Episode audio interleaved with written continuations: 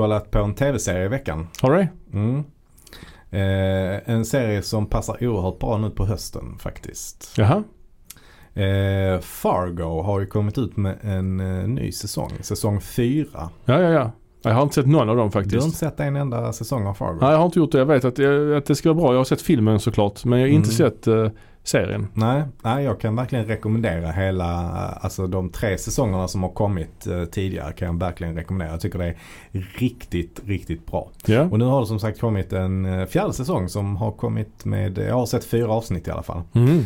Eh, och ehm, ja, än så länge så eh, kanske jag inte riktigt tycker att den når upp på samma höjder eh, som de förra tre säsongerna. Men, men den är ändå fortfarande jäkligt bra faktiskt. Och det är olika stories varje säsong? va? Ja, ja det Ja. är det. Det är helt olika stories. Det enda som egentligen eh, gör att de binds samman är att de utspelar sig i ungefär samma geografiska område. Mm. Den här säsongen utspelar sig i Kansas City till exempel. Mhm.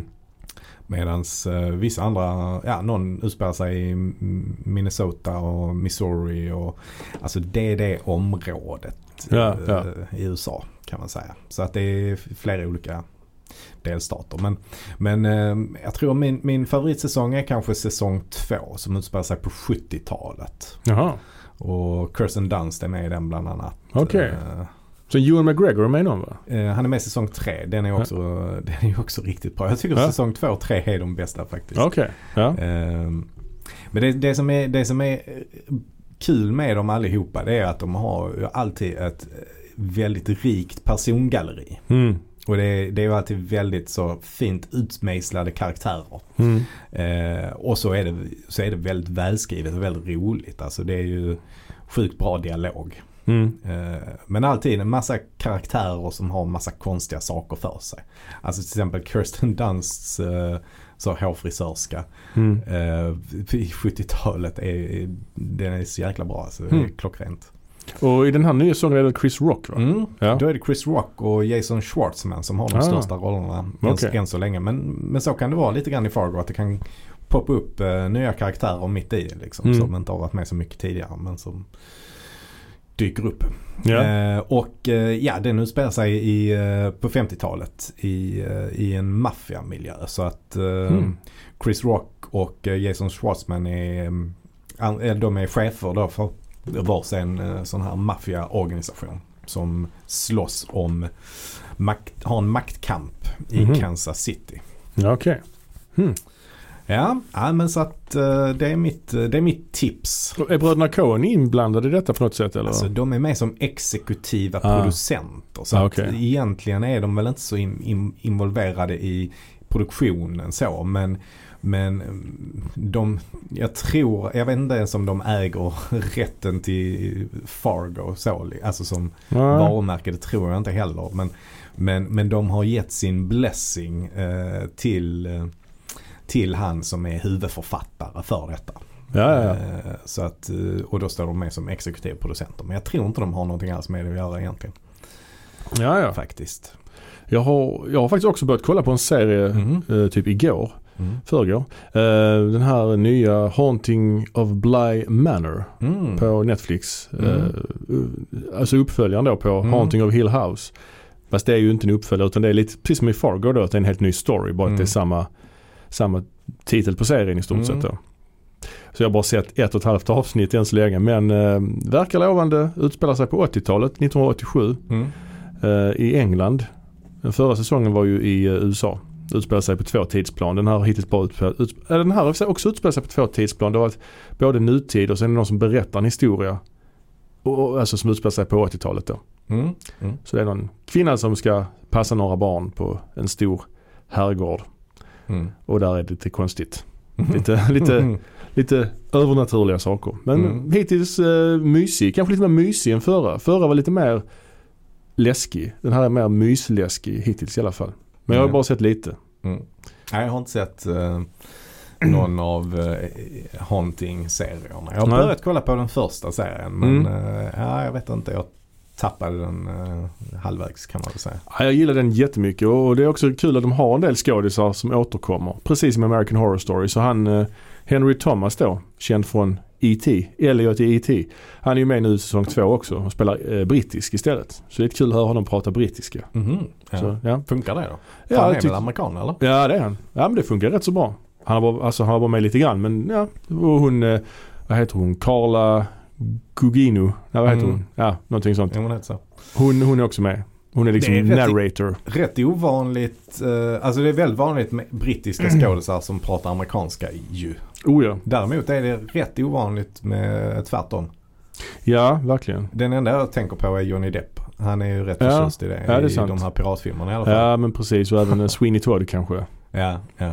Nej det är verkligen tvärtom. För faktum är att jag började kolla lite grann på den här eh, nya Netflix-filmen The Trial of the Chicago 7.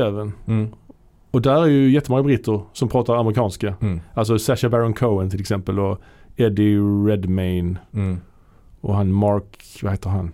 Ja han eh, som är med i SVJ. Jag kommer inte ihåg vad han heter. Rylance. Ja, Rylance. Han är också med. Alla de pratar amerikanska. Ja. Så det är lite lustigt. ja, men det har, ju, det har ju de senaste 10-20 åren så har det ju varit en eh, import av Mm. eh, brittiska skådespelare i USA. British Invasion nästan. Mm, verkligen. Ja. Ehm, jag har faktiskt ingen aning vad det beror på men, eh, men det, det har ju verkligen varit det. Och även australiensiska är det ju mycket också. Ja, de är ju ansedda. Alltså det är ju en stor teaternation i England naturligtvis. Arvet efter Shakespeare och så vidare. Men det känns ändå liksom eh, att ha, det känns ändå som ett handikapp att tvingas lära sig en dialekt. Mm. Och sen agera på den dialekten. Särskilt om det inte är något som krävs för. Alltså som jag tänker på till exempel Homeland. Just det. Eh, han eh, som spelar huvudrollen där, vad heter han? Ja, ja, han ja. Just det. Han, Damien Lewis. Damian Lewis. Just det. För han är ju britt ju. Just det. Men i den rollen, jag vet inte, det känns ju helt... Det, det, han har ju inget...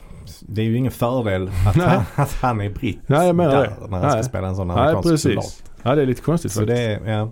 Hmm. Ja, men i det här avsnittet så ska vi i alla fall prata om fredagen den 13 och eh, då kan det ju också vara passande att eh, bara prata om en nyhet som kommer i, liksom, som har lite med det att göra. Ja. Och det är ju då faktiskt att eh, det har kommit ut information nu om att Dexter kommer tillbaka Just det. med en ny säsong. Ja. Ja, det, ja, jag såg det. Ja, du såg det. Mm. ja, ja. Vad, vad, vad har du för eh, spontana känslor inför det då? Alltså, det är ju många, jag har läst många reaktioner att äntligen och så vidare. Mm. Mm. Men jag kände att den serien tog slut. Jag Nu har tror... inte jag sett eh, alla säsongerna ens. Nej, jag skulle, det ska du vara glad för höll jag på att säga. Ja, Jag har sett, jag har sett alla säsongerna. Jag har sett, jag har sett, jag vet inte ens vilken säsong det är men det är den säsongen där Colin Hanks är med. Ja, det kanske är sjätte kanske? Ja, Ja, det kan vara sjätte. Jag, Jag har sett det är- halva den tror jag. Så det är Colin. Colin Hanks och han eh, Eh, Edward James Olmos. Admiral Adama. Exakt, exakt. De spelar någon slags eh, seriemördarpar. Ja, ja, Ja. för det är ju så den här serien att det är en seriemördare i varje ja. i varje, varje säsong. Eller ja, det handlar ju om en seriemördare. Mm. Dexter är ju seriemördare som Mm. mördar andra seriemördare. Mm. Och så jobbar han för polisen som sån här blod, blood splatter analyst. Just det. Och så har han barn också. Fattar Mm. inte hur han hinner. Alltså det blir lite parodiskt nästan i slutet där hon, hon den här eh, barnflickan är ju hos dem hela tiden. Hon bor Ja. typ, typ i deras lägenhet. Ja. Liksom.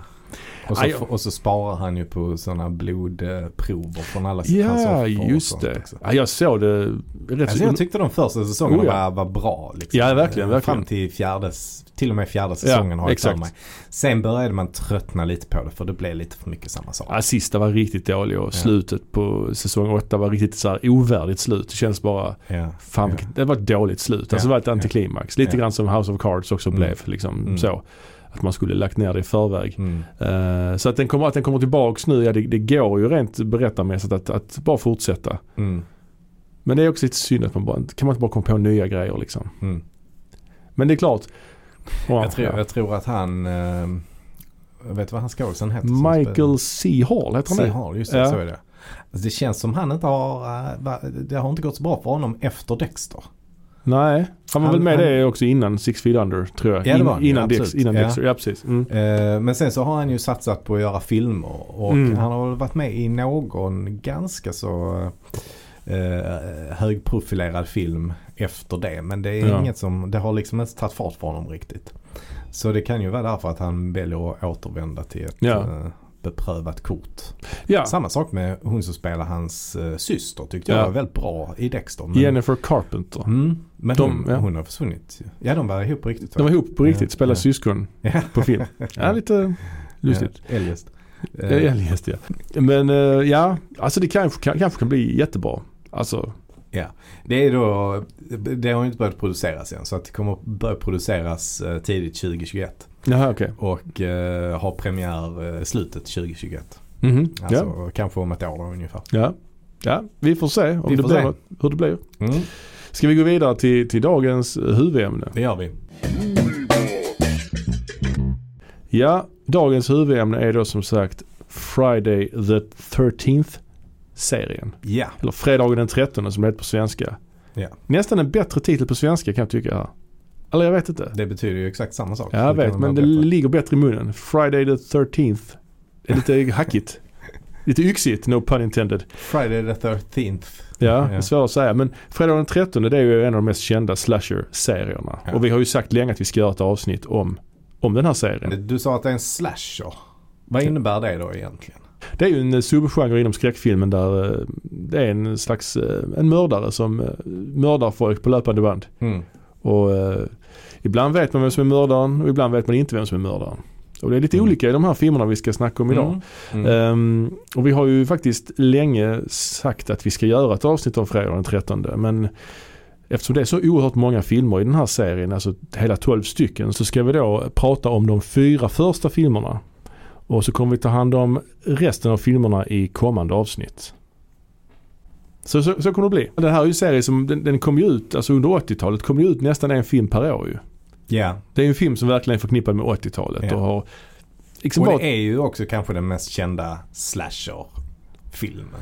Eller en av dem. Ja, oh ja, absolut. Sen En är den dem. ju inte den första. Oh nej. Nej, verkligen inte. Och, och det är ju inte, det, menar Halloween till exempel var ju före. Och det finns ju Mm. andra, alltså som eh, Ja, det- slash, tidigare slashers. Alltså Psycho Ja. kan man också räkna som en slasher på ett sätt ju, Ja, till exempel. och Mario Bava har väl också någon eh, Ja, slasher-liknande. oh ja, han har gjort den här Bay of Blood som vi kommer att återkomma till längre fram i avsnittet. Sen finns Ja. ju också den här Peeping, Peeping Tom som Mm. Powell Pressburger gjorde. Mm. Som också är en slasherfilm som också räknas som en sån här Mm. banbrytande. Det som var intressant var ju att på 80-talet så blev det ju, eller slutet på 70-talet så blev det ju ett slags format som skapades eh, av, kring de här filmerna.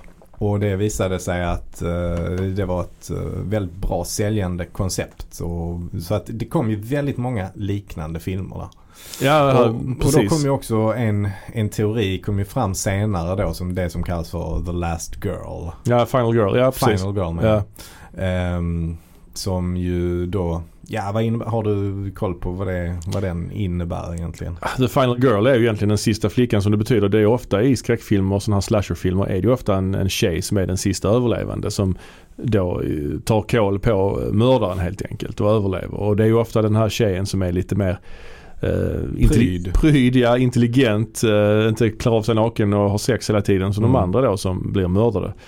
Eh, och arketypen för Final Girl är väl Jamie Lee Curtis Mm. i, i Halloween. Eh, som spelar den här barnflickan, Laurie Strode, som Mm. då överlever Halloween night där. Så det är intressant att se liksom hur de, eh, om de bryter mot detta eller fall det, Mm. fall det är så. Ja, för, just exakt. Fredag den 13 serien är en serie som har liksom etablerat många, vad ska man kalla det för, tråper eh, i den här man säga. Klichéer kan man nästan säga också. Och eh, Jason med hockeymasken har ju blivit en populärkulturell ikon. Mm. Och hockeymasken som sådan har ju använts i andra Mm. sammanhang, i periodiska sammanhang också. Eh, Så att, nej vi, Mm. vi ska prata om de här filmerna och ska vi börja prata lite grann om vår egna Mm. personliga relation till den här filmserien. Mm. Ja. Jag såg ju eh, några av de här filmerna i väldigt ung ålder. Mm, så blir ju. Alldeles för ung. Jag vet inte hur gammal jag var men jag tror redan på, på mellanstadiet som man började kolla på de här. Ja. Eh, faktiskt. Och jag kommer ihåg att det var oerhört läskigt då. ja. Det är inte lika läskigt nu när man ser om dem. Nej det är det ju inte, verkligen Eh, inte. Och det är ju såklart för att vi är vana vid, vi har lärt oss det här konceptet.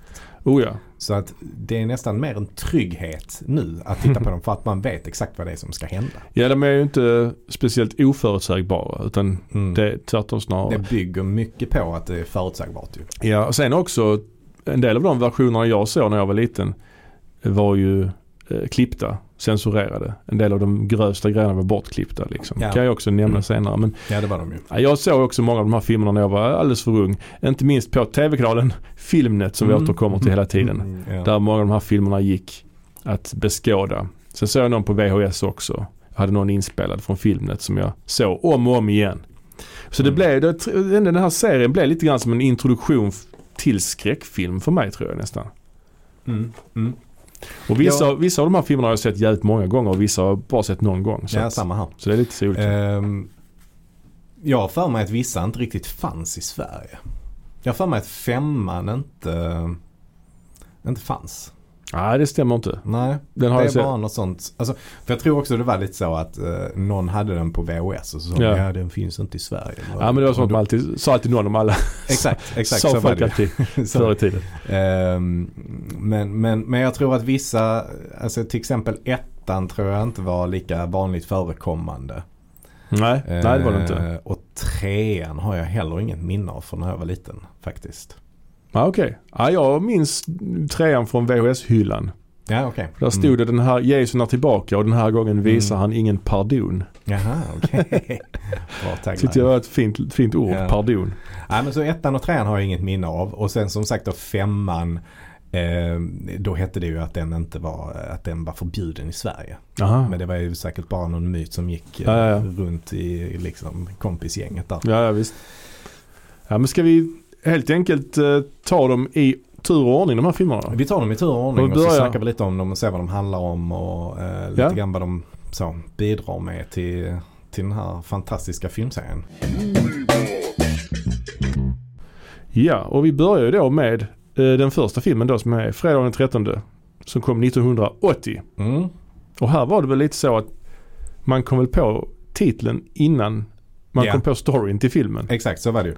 Så det var ju då Sean S. Cunningham som han heter. Just det. Eh, som både producerade och regisserade. Han, eh, han började ju då med att han kom på titeln och la sen ut eh, manuset på, eh, han beställde det av då en som heter Victor Miller. Mm, just det. Eh, så Victor Miller fick ju då, okej här har du en titel, du ska Mm. skriva du ska, Ja. du ska skriva ett manus kring det. Ja, de hade inte riktigt bestämt i och för sig att titeln på filmen skulle bli fredagen den 13. Utan de hade andra arbetstitlar också. Till exempel Long Night of Camp Blood. Ah, Eh, hade den också som alternativ titel medan Mm. den spelades in. Men, men i alla fall man kan ju, om man tittar lite på Cunningham, var han kom ifrån så, så var han ju en, en regissör som eh, höll på med, regissör och producent som höll på med film ganska mycket för pengarnas skull kan man säga. Han, Ja. ville, han ville göra eh, populära filmer som drog in mycket pengar men eh, det gick inte särskilt bra för honom. nej. Så att han gjorde familjefilmer på 70-talet. Ja, just det. Ehm, han var i och för sig tidigare involverad också tillsammans med Wes Craven i eh, Last House on the Left. Ja, ja. Eh, så att han var lite hade lite erfarenhet från skräckfilmsgenren också. Mm. Men eh, på 70-talet så satsade han på att göra familjefilmer och sådana här sport eh, Mm. med, med barn och så. Liksom. Så att han tittade lite grann på vad var populärt för tillfället och, och så försökte han göra kopior på det. Ja. För då var det ju den här Bad News Bears. ja, just det. heter En baseballfilm. Ja, Ja, ja. precis. Och så gjorde han då någonting liknande där. Något som heter Tigers. Eh, Mm. Alltså, jag har inte sett det. Jag vet inte. Nej. Men det är, det är också så här. Barn som håller på med sport. Och så ja, Mm. lyckas de eh, bra i slutet. Och så blir de jättegoda vänner. Ja. Ungefär så. Eh, men i alla fall. Han eh, upptäckte ju då att Halloween-filmen Ja. gick oerhört bra. Och Halloween är ju då, eh, den filmen har ju sin titel från en eh, helgdag eller en speciell dag. Och då Mm. tänkte ju Cunningham att ja men då skulle man kunna göra någonting liknande på fredagen den 13. Ja. Och han satte väl in en annons i Variety också. Gjorde reklam för liksom, filmen innan den Ja, ens var på. Ja. Innan den var in i Mm. production ens. Mm. Liksom, innan manuset var klart. Typ, Ja, så. precis. Ja, men för att han kände det att med den titeln så skulle han kunna sälja in den jättelätt sen. Mm, Ehm, precis. Och det lyckades han också med. Så han, han fick en eh, ganska modest budget på en halv miljon dollar. Mm. Eh, och eh, i slutändan sen så spelar ju den här filmen in eh, över 40 miljoner dollar. Så Ja. att eh, det blev ju en oerhörd succé. Ja och det var väl också den första så att säga indie-filmen i sitt slag att få distribution av ett större bolag, Mm. alltså Paramount. Som Mm. sen distribuerade alla filmerna Ja. under 80-talet. Ja. Ska vi Mm. prata lite grann om själva filmen som så, sådan. Den har ju återigen den här coola loggan då, titeln. Mm. Som är rätt coola förtexter. De flyger igenom en glasruta. Mm. Det är rätt fint Ja, ju. ja. Och sen börjar ju filmen 1958 så det är liksom Mm. lite grann en, ett hopp tillbaka i tiden där. Där man Mm. får se två, de är på, ett, det här lägret Crystal Lake. Ja. Camp Crystal Lake. Som är en slags sommarkollo. Mm. Och där är då två stycken eh, kolloledare som ska ha sex i någon eh, stuga. Och de blir då mördade av någon. Vi får liksom inte se Nej. vem det är Nej. som mördar. Det är ju så här point of view-mord. Mm. Alla Giallo-filmen liksom. Kan och man säga. Peeping Tom kan man, kan Och säga. Peeping Tom verkligen. Och man etablerar ju också det här klassiska fredag den 13 ljudet. Det här tsch, tsch, tsch, ha, ha, ha, Mm. redan här i första scenen. Eller k, k, k, ha, ha. Nej, Ja. k, k.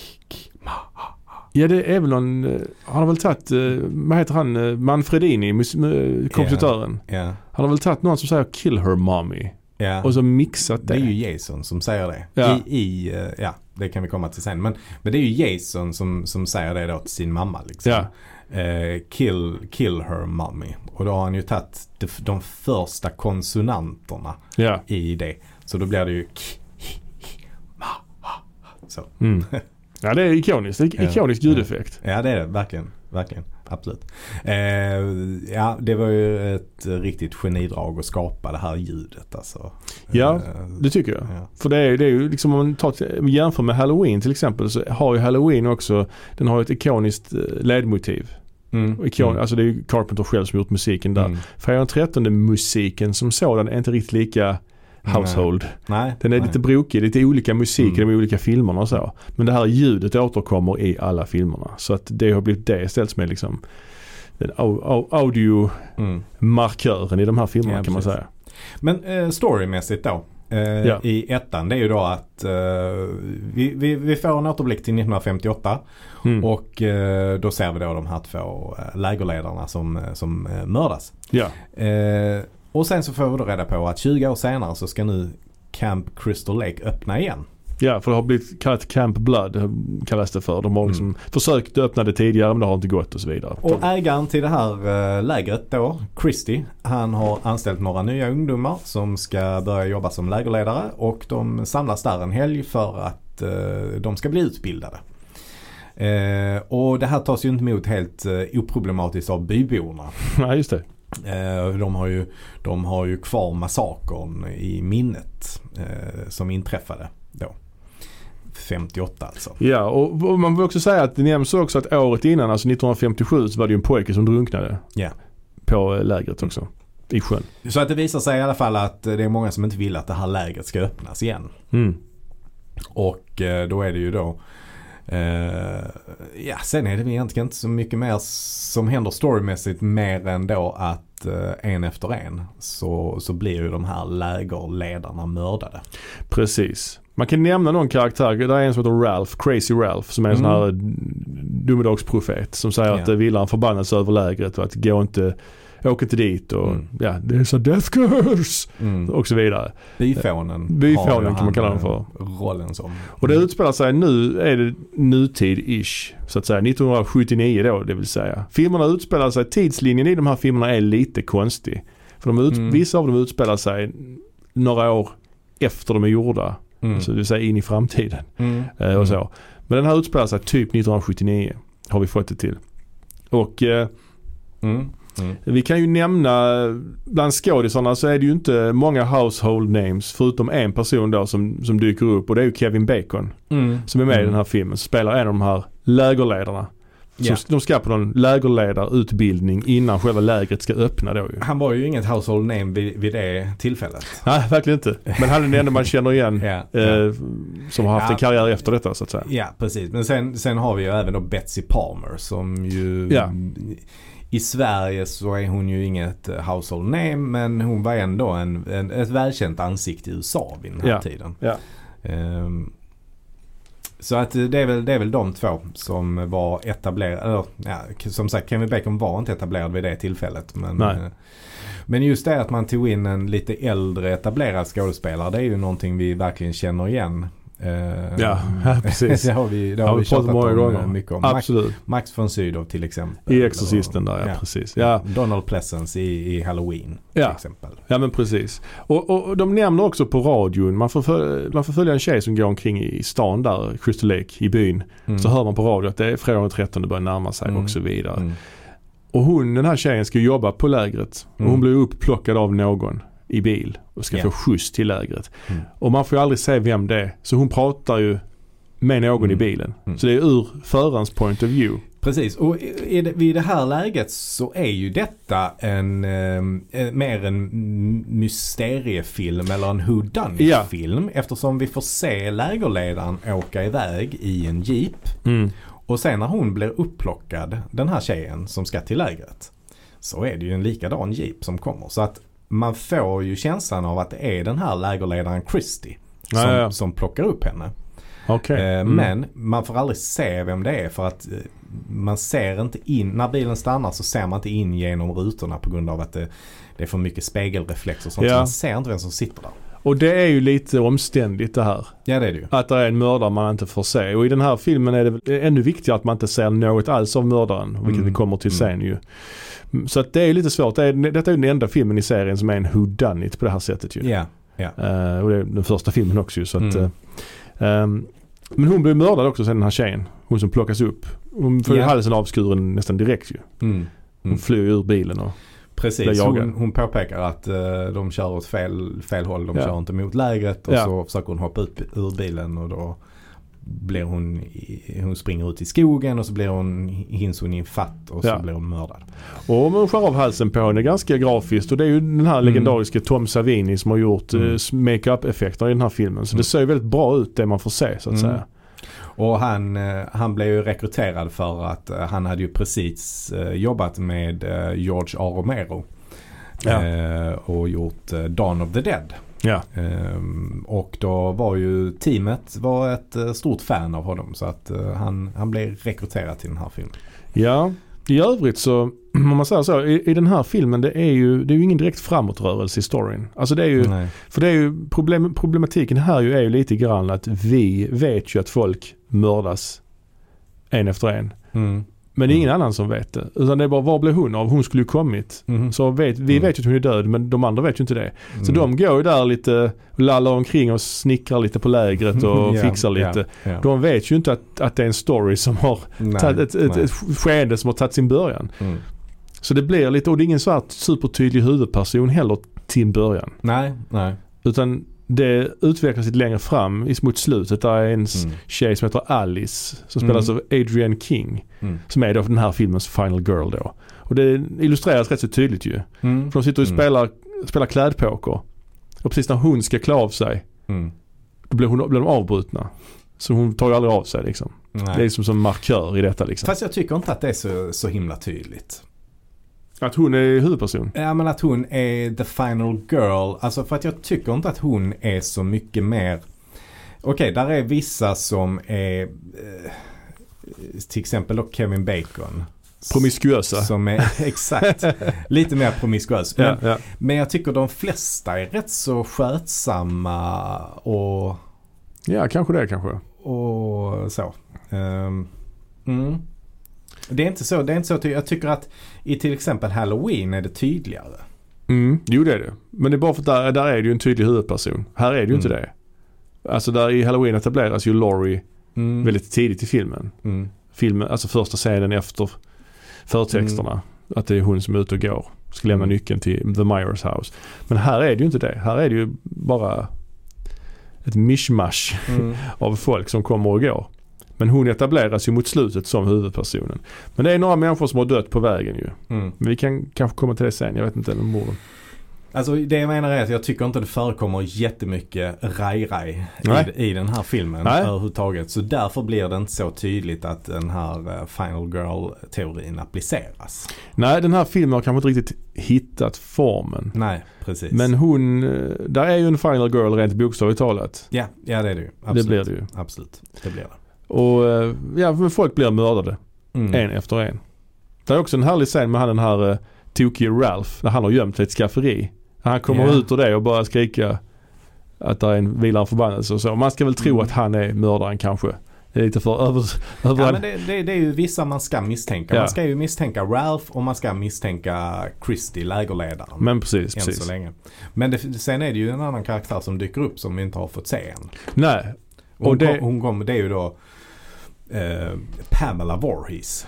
precis. För det är ju så att vi bara tar, backar tillbaks lite. Det är ju så att Alice springer, hon börjar upptäcka att folk har blivit mördade. Hon springer Mm. omkring och hittar liken som har blivit utplacerade lite överallt i, på lägret. Mm. Det är lite samma tradition som Michael Myers använder sig av i, i Halloween. Han placerar så ut folk på lite roliga ställen och så.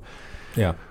Och då kommer en jeep körande och hon springer dit för Mm. att få hjälp. Och då kommer Mrs Voorhees och ska lugna henne. Och det är ju en karaktär vi inte alls fått se innan. Mm. Nej, hon poppar upp från ingenstans. Ja. Så det är ju lite, jaha, lite så. Mm. Och då Mm. fram, framkommer det då ju att eh, hon är ju då mamma till den här pojken som drunknade 1957. Och att det var hon sen som begick de här morden 1958 och sen också hindrat dem att öppna lägret genom att tända eld på saker och så vidare. Mm. Ja, Mm. och hon börjar ju då prata om att eh, ja, lägerledarna gjorde inte sitt jobb. De skulle ha haft bättre uppmärksamhet så hade inte min son dött och så vidare. Och sen börjar hon ju prata med en pipig röst som, som, sin, som sin son. Kill Mm. her mommy, kill her. Mm. Så det är lite så. Precis. Varpå då det blir en liten slutfight nere vid, vid eh, brynet, strandbrynet på sjön. Ja, ja. Och eh, Alice då hugger helt enkelt av huvudet på Mrs Mm. Voorhees. Det är ju en rätt kackig fight alltså. Mm. Och det är också en Det är det. otillräcklig reveal. Alltså Ja. för mördaren har inte etablerats mer än lite grann i någon slags backstory-dialog. Mm. Att det har hänt någonting för länge sedan. Jag tycker det hade varit bättre om det varit någon som man hade lärt känna sedan tidigare. Det hade varit en intressant överraskning så. Men nu blir det ju bara en helt ny karaktär som är Mm. mördaren. Jag vet inte. Nej, hon poppar upp lite grann från, som gubben i lådan. Sen kan det ju vara om man inte känner till den här serien sen innan så kanske man tror att det är Jason som ska mörda. Men det är ju inte det i den här första filmen. Han har ju blivit mer känd än vad Mrs Voorhees är som, Mm. som mördare naturligtvis. Efter slutfighten så eh, hon har huggit av huvudet på Mrs Voorhees. Då hoppar hon in i en kanot och glider ut på sjön, Alice. Mm. Och sen är det ju ett klipp. Och det har blivit dag igen och hon ligger mitt på vattnet i, i kanoten. Och hon säger polisen kom, kommer till lägret. Och det är så här väldigt fin harmonisk musik. Mm. Och då, då måste jag säga att då sker ju kanske, kanske en av filmhistoriens mest ikoniska jump scares. Ja. Måste jag säga. Ja. När, när bakom henne hoppar ju då den här pojken Jason upp. Han är vanställd Ja. och det är något jävla jobbigt ljud. Och han drar med henne ner i vattnet. Han har liksom fullt med alger på sig. Ja. Ser det ut som. Ja, och han och lite- han har inget hår och helt Han- vanställt huvud. Han har någonting man kallar för vattenskalle. Ja, Nämns ju ja. senare. Eh, Men, men han, han drar ner henne och det är ett jävla oljud och man blir ju svinrädd. Man hoppar ju till onekligen. Och sen efter det så, så vaknar hon ju till på, på sjukhuset och börjar prata med poliserna.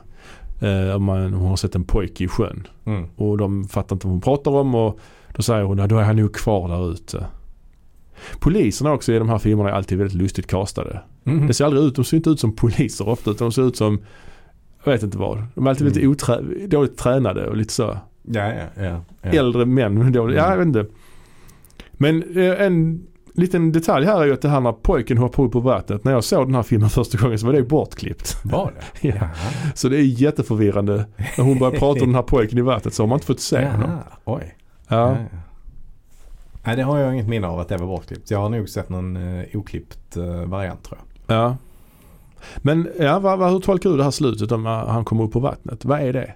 Är det en dröm? Drömmer hon detta? Eh, hur jag tolkar det? Eller har det, händer det på Ehm, riktigt? Eller är det något supernatural? För att det övernaturliga etableras ju inte förrän rätt så Mm. långt fram i den här serien faktiskt. Det beror på. Alltså, ska man se det här Ska man, ska man tolka in det i, bara i denna filmen? Eller, eller liksom ska man ta, ta hänsyn till allt som händer efteråt också? Jag vet inte. Det är ju det som blir. För att Det kan de man ju inte denna, göra. Nej, det kan man inte göra. Man Nej. får bara se den här filmen som Ja. en enda film. I så fall så får man väl tolka in det som att det är någonting hon drömmer. Men vet hon om att den här pojken har drunknat? Har hon hört den storyn? Eller alltså är hon medveten om den här backstoryn? För jag tänker hon kan inte drömma om någonting hon inte känner till. Ja men det berättar väl Pamela för henne. Pamela Voorhees. Ja just det, det gör hon ja. Såklart. Ja, så att det, det är väl därför hon uh, ligger där och drömmer. Eller ja, Ja, ligger okej. på sjukhuset Ja, men och då- dröm, okej, då är det- detta. Liksom. Ja det är sant. Då är det ju relativt. För att det kan det, på, det kan ju inte hända på riktigt egentligen. För han borde ju inte vara så liten då. Han borde ju vara vuxen. För det är 20 år senare. Ja, Så att, eh, och det får vi reda på i kommande filmer naturligtvis. Hur, hur det ligger till med den saken. ja just det. Precis. Fast alltså vi får väl aldrig någon riktig tidsmarkör på när detta utspelar sig. Alltså det är väl eh, contemporary. Alltså eftersom 19, det börjar med Flashback till 1958 och sen är det nutid typ. Ja men jag tror aldrig det, defin- det definieras. Årtalet skrivs aldrig ut nej. Nej, för att, Men, men vad jag har fått förstått via diverse internetfora ja, så Ja. utspelade det sig 1979. det är okej. Det utspelade sig alltså året innan filmen släpptes. Mm. Så Men att, jag, får vi någon hint om det i filmen? ja, men man, man, får, man får räkna på det sen. Man får räkna på hur gammal Jason är och när han, hur- alltså, Ja, men om vi bara tar hänsyn till den här filmen. ja bara den här filmen. Så vet vi att 58 eh, Mm. då, då är han cirka, ja det, vi vet inte hur gammal han är där men han är ett barn i alla fall. Ja, ja. ja Och eh, ja, man får ju förutsätta att det utspelar sig någon gång men är det tidigt 70-tal så är det rimligt att han är det rimligt att han fortfarande är ett barn då? Nej, då Nej. borde han vara han är född 1900, eh, ja, 52 kanske. ja, Jason född 1946 enligt, eh, enligt internet. Ja okej, så han var 12 år då då? Eh, Ja. När han eh, Ja. drunknar. Eh, För Ja, att 11, leverera 11, här. 1957. 11, ja, okej, mm. ja. Det är lite det är komple- komplext. Alltså det blir ännu mer komplext sen med, med tid, tidslinjen vet i de här filmerna, Det är alltså inte- längre fram. Det är heller, jag tycker inte heller att det är relevant att reda ut det. Liksom. Ja fast lite relevant är det. Händer det här på riktigt? Finns det en pojke i sjön eller är det en drömsekvens? ja, ja. Det är ju, ja. Och då säger hon, då är han kvar där ute. Och så får man ju se en bild på sjön. Och sen slutar filmen i stort sett. ja. Sen kommer ju en uppföljare naturligtvis som, som ytterligare lägger till detaljer i den här. Och då blir, det ju Mytologin. bara, då blir det ju bara konstigt. Och man får också ha det i, i åtanke att när, när ettan gjordes så tänkte de ju inte på att det skulle göras en uppföljare ju. Nej nej. Eh, Så att de planerade ju inte för det. Men det blev det. Uppföljare blev det. Uppföljare blev det. Vad tycker, Absolut. vad tycker du om den här första filmen då? Rent eh, spontant bara. Ja, men jag, jag tycker faktiskt att den här är, är bra. Okej. Jag gillar denna. Mm. Ehm, jag tycker, jag tycker, alltså jag, jag gillar själva, jag gillar stilen i den väldigt mycket. Alltså den är Mm. lågbudget och den är gritty. Mm. Men den är, den är ändå relativt snygg och det har ju mycket med miljöerna att göra. Ja. Men det är ju, det är ju mycket, mycket handkamera och mycket point of view Mm. eh, som jag tycker eh, funkar bra. Det, det, det Mhm. skapar en slags läskighet i det.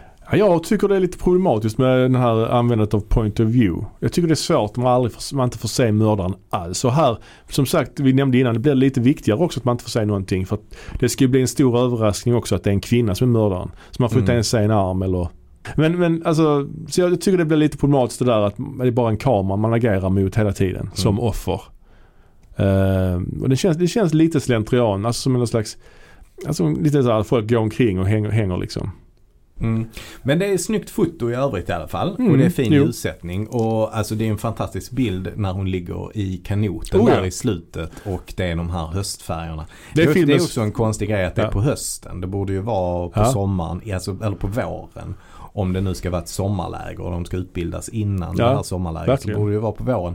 Men man ser tydligt att det är inspelat på hösten så det är lite Ja. konstigt.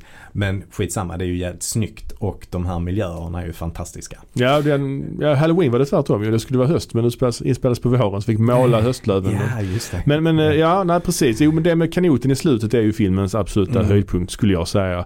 Eh, vi, kan också, vi har också lite olika punkter vi kommer gå igenom här efter varje film. Och den första punkten vi har är body count. Och den här filmen är det 10 personer som mister livet inklusive då Mrs Voorhees. Så att eh, det är Mm. ganska hyfsat lågt. Mm, mm. Blygsamt body count i en sån här film. Ja det är det ju. Eh, sen med fotot kan jag tycka också att det är en del fula slow motion scener som drar ner det lite. Ja det är väl lite Sån sådär. här falsk slow motion som är skapad i efterhand ser det ut att vara. När hon tar upp macheten och ska hugga av huvudet Ja, det, är, det är många i de här fighting-scenerna mellan Alice och Pamela Voorhees. Ja, ja. Eh, och sen så kan jag då tycka att eh, Ja men det är, ju, det är alltid kul att se Kevin Bacon i uh, blågula Speedos.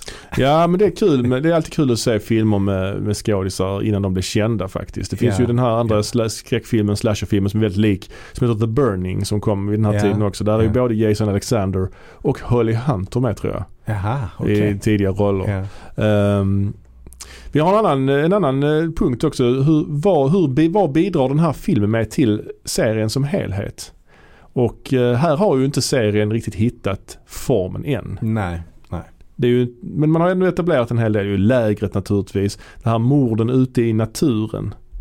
Som ändå kanske är från 13, lite grann från 13 USP.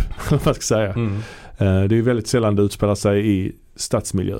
Även om det kommer längre fram i serien såklart. Men en del sådana troper etableras ju.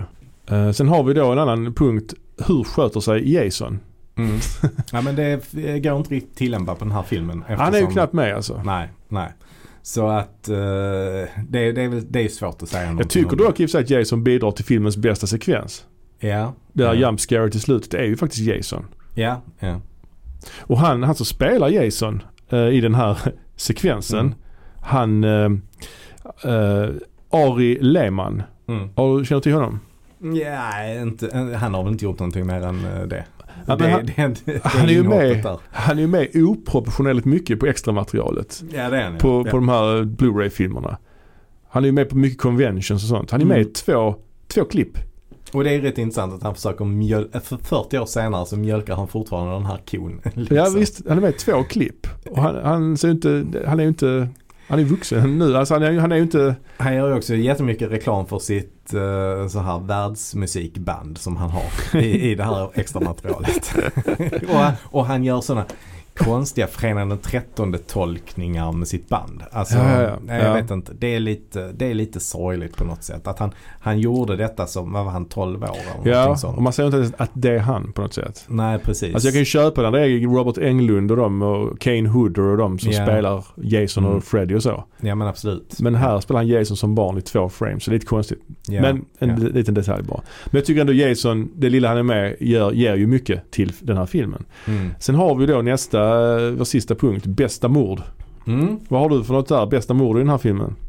Eh, ja, jag nominerar då eh, Kevin Bacon till, eh, till detta. Mm, ja. eh, det är ju då i en scen där han ligger i, eh, i sängen. Han har eh, precis eh, haft sex med en tjej. Och ehm, så ligger han där och tänder en joint tror jag. Och eh, så helt plötsligt så får han en bloddroppe på sin panna. Just det. Och så börjar han eh, titta sig omkring lite grann. eh, För han vet inte var den kommer ifrån. Ehm, och då kommer en hand upp underifrån. eh, Mm. som en person som ligger under sängen. Håller fast hans panna och samtidigt sticker upp. Är det en kniv eller? Är det En pil. En pil är det. En pil. Rätt genom hans hals. Ja. Och ehm, en relativt bra effekt. Oh ja. Eh, inte jättebra. Man ser tydligt att liksom, det är inte samma färg på kroppen som på hans huvud. Mm. Så att de har ju då gjort en, eh, alltså från halsen och neråt, en, Mm. en protes då. Eller vad kallar man det för? En falsk kropp. Ja, Alltså en någon slags avgjutning. avgjutning. Eh, s- s- och sen så har ju, ligger ju hans huvud där då, hans riktiga huvud. Ja. Eh, man ser tydligt att det inte är hör till samma, att det inte är hans kropp alltså. Ja men precis. Ja, Men det är håller- ändå ja. en cool effekt. Ja, jag håller med. Detta är också mitt favoritmord i den här filmen. Och här etablerar man också en härlig tradition. Just det här att mörda någon så att säga underifrån. Mm. För det händer jättemycket i de här filmerna att någon, Ja, det gör ligger, det. någon ligger under. Det är under. vissa typer om, av eh, mord eh, som, eh, eller döds sätt att dö som, Mm. som återkommer. Sen är det lite orimligt att den här tanten Mrs Voorhees skulle lagt sig där under sängen och sen lyckats ta, Tänk själv om du lägger, lägger dig under en säng och tar upp din arm att du kan hålla fast någon när du ligger själv under en säng Ja. med en ja. arm. Ja. Det är lite, lite svårt. Ja, nej men när du frågar vad jag, vad jag tycker om filmen så hann jag aldrig riktigt komma till det liksom. Mm. Men eh, lite grann det som drar ner det, det är ju det, det, det ologiska i Mm. manuset. Mm. Med att, alltså eh, Pamela Voorhees Mm. mördar ju alla de här med oerhörd lätthet. Ja. Alltså hon mördar ju åtta personer Mm. som inte eh, gör något eh, motstånd överhuvudtaget. Eller alltså hon övermannar dem väldigt enkelt. Ja, nio personer till och med väl? Skitsamma. Mm. Ja, om det var tio stycken så Och hon är en av dem så är det och hon nio. är en av dem så är det nio. Precis, ja, ja. ja. ja. Nio, nio då dödar hon. Ja. Eh, men när hon helt plötsligt ska slåss med Alice. Som ju inte är den fysiskt starkaste av de här eh, lägerledarna. Hon är ingen Som- Kevin Bacon. Nej precis, hon är ju ingen Kevin, Kevin Bacon alls. Nej. Eh, då får hon jättemycket problem och den fighten är ju väldigt utdragen och hon, hon klarar sig inte jättebra mot Nej, Alice. där, nej, hon liksom. är. Så att där får jag inte riktigt ihop logiken att hon kan klara av att mörda nio personer. Nej. När hon helt plötsligt ska liksom slåss mot Alice Ja. så går det helt plötsligt Ja, hon- skitdåligt. Ja, hon snubblar och har sig. Ja, Slarvig. ja.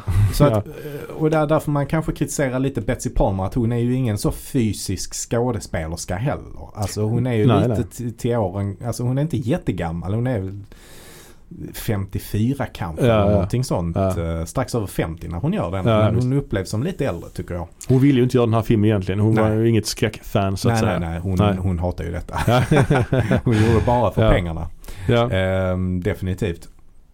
Men, men i alla fall så, sen en annan konstig grej är ju också att när hon, när hon bara har en enda person kvar att mörda. Mm. Då ska hon helt plötsligt, alla de andra mördar hon Mm. lite från bakhåll eller utan att de Ja, hinner reagera eller något sånt. Ja. Då ska hon helt plötsligt inte mörda denna personen direkt utan Nej. bara börja berätta om eh, bakgrundsstoryn Ja. och allting sånt. Eh, ja, det är orent. Får man Ja. minst säga. Ja, det, det går inte ihop. Logiken går inte riktigt ihop där. Nej, det gör det inte. Ehm, sen fattar jag ju såklart varför man gör det Såklart. en, eh, för att det ska bli en film av det. Att man gör Ja. det ur, men, men hennes psykologi, karaktärens psykologi, den, den eh, funkar ju inte riktigt. Nej, det gör det inte. Och för övrigt måste jag också bara säga att i det här mordet, Kevin Bacon-mordet du pratade om, så använder man tydligen fårblod.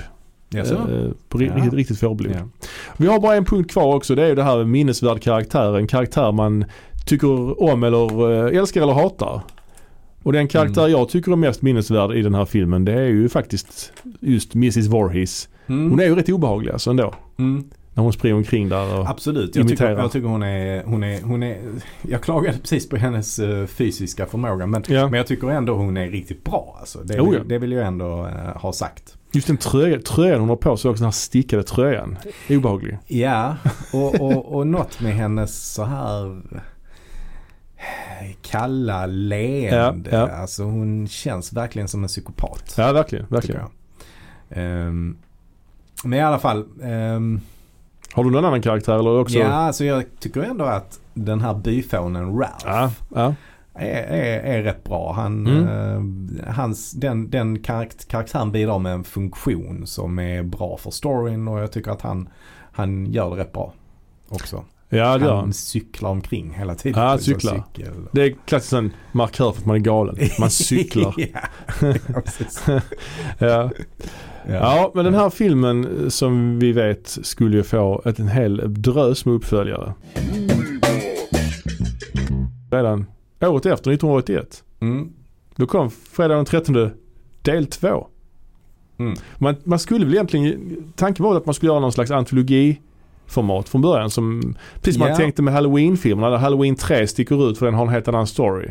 Så Mm. var nog tanken från början också med fredag den 13 men man skrotade det, det förslaget och bara körde vidare i samma hjulspår tror jag. Ja men, ja, men det, var, det var så att eh, eh, Cunningham som Ja. hade regisserat och producerat ettan. Ja. Eh, han, han blev ju då tillfrågad av Paramount. Eh, de- den här, för den här filmen gick ju jättebra. Nu Ja. vill vi göra en del två. Mm. Och Cunningham tänkte sig ju då att göra en, en antologi Mm. av det. Jättebra. Vi använder fredagen den 13 men det är en helt ny story, helt nya skådespelare. Eh, någonting helt annat men det utspelar sig också på fredagen den 13. Ja. Så det var ju hans vision av hur den här filmserien skulle, skulle bli. ja. Men det, det vägrade Paramount. Paramount, Paramount eh, sa att eh, den här filmen ska handla om Jason. Och det är Jason vi ska använda som, eh, eh, som huvudperson ja. i denna filmen.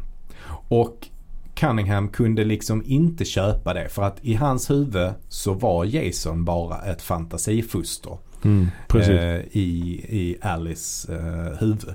Så att Jason var någon som inte fanns på riktigt liksom, utan det var bara någon hon hade skapat. Han kunde, han kunde liksom inte köpa det. Och det var ju ganska många andra också som var med i den, den första produktionen som eh, tyckte samma sak. Till exempel då Tom Savini som ja. Tom Savini var han som gjorde specialeffekterna och så Mm. i, i ettan. Och hade ju blivit ett ganska stort namn vid det här laget. Eh, I alla Mm. fall inom filmkretsar. Så, Ja, ja, ja. Eh, så att han, han ville heller inte vara med.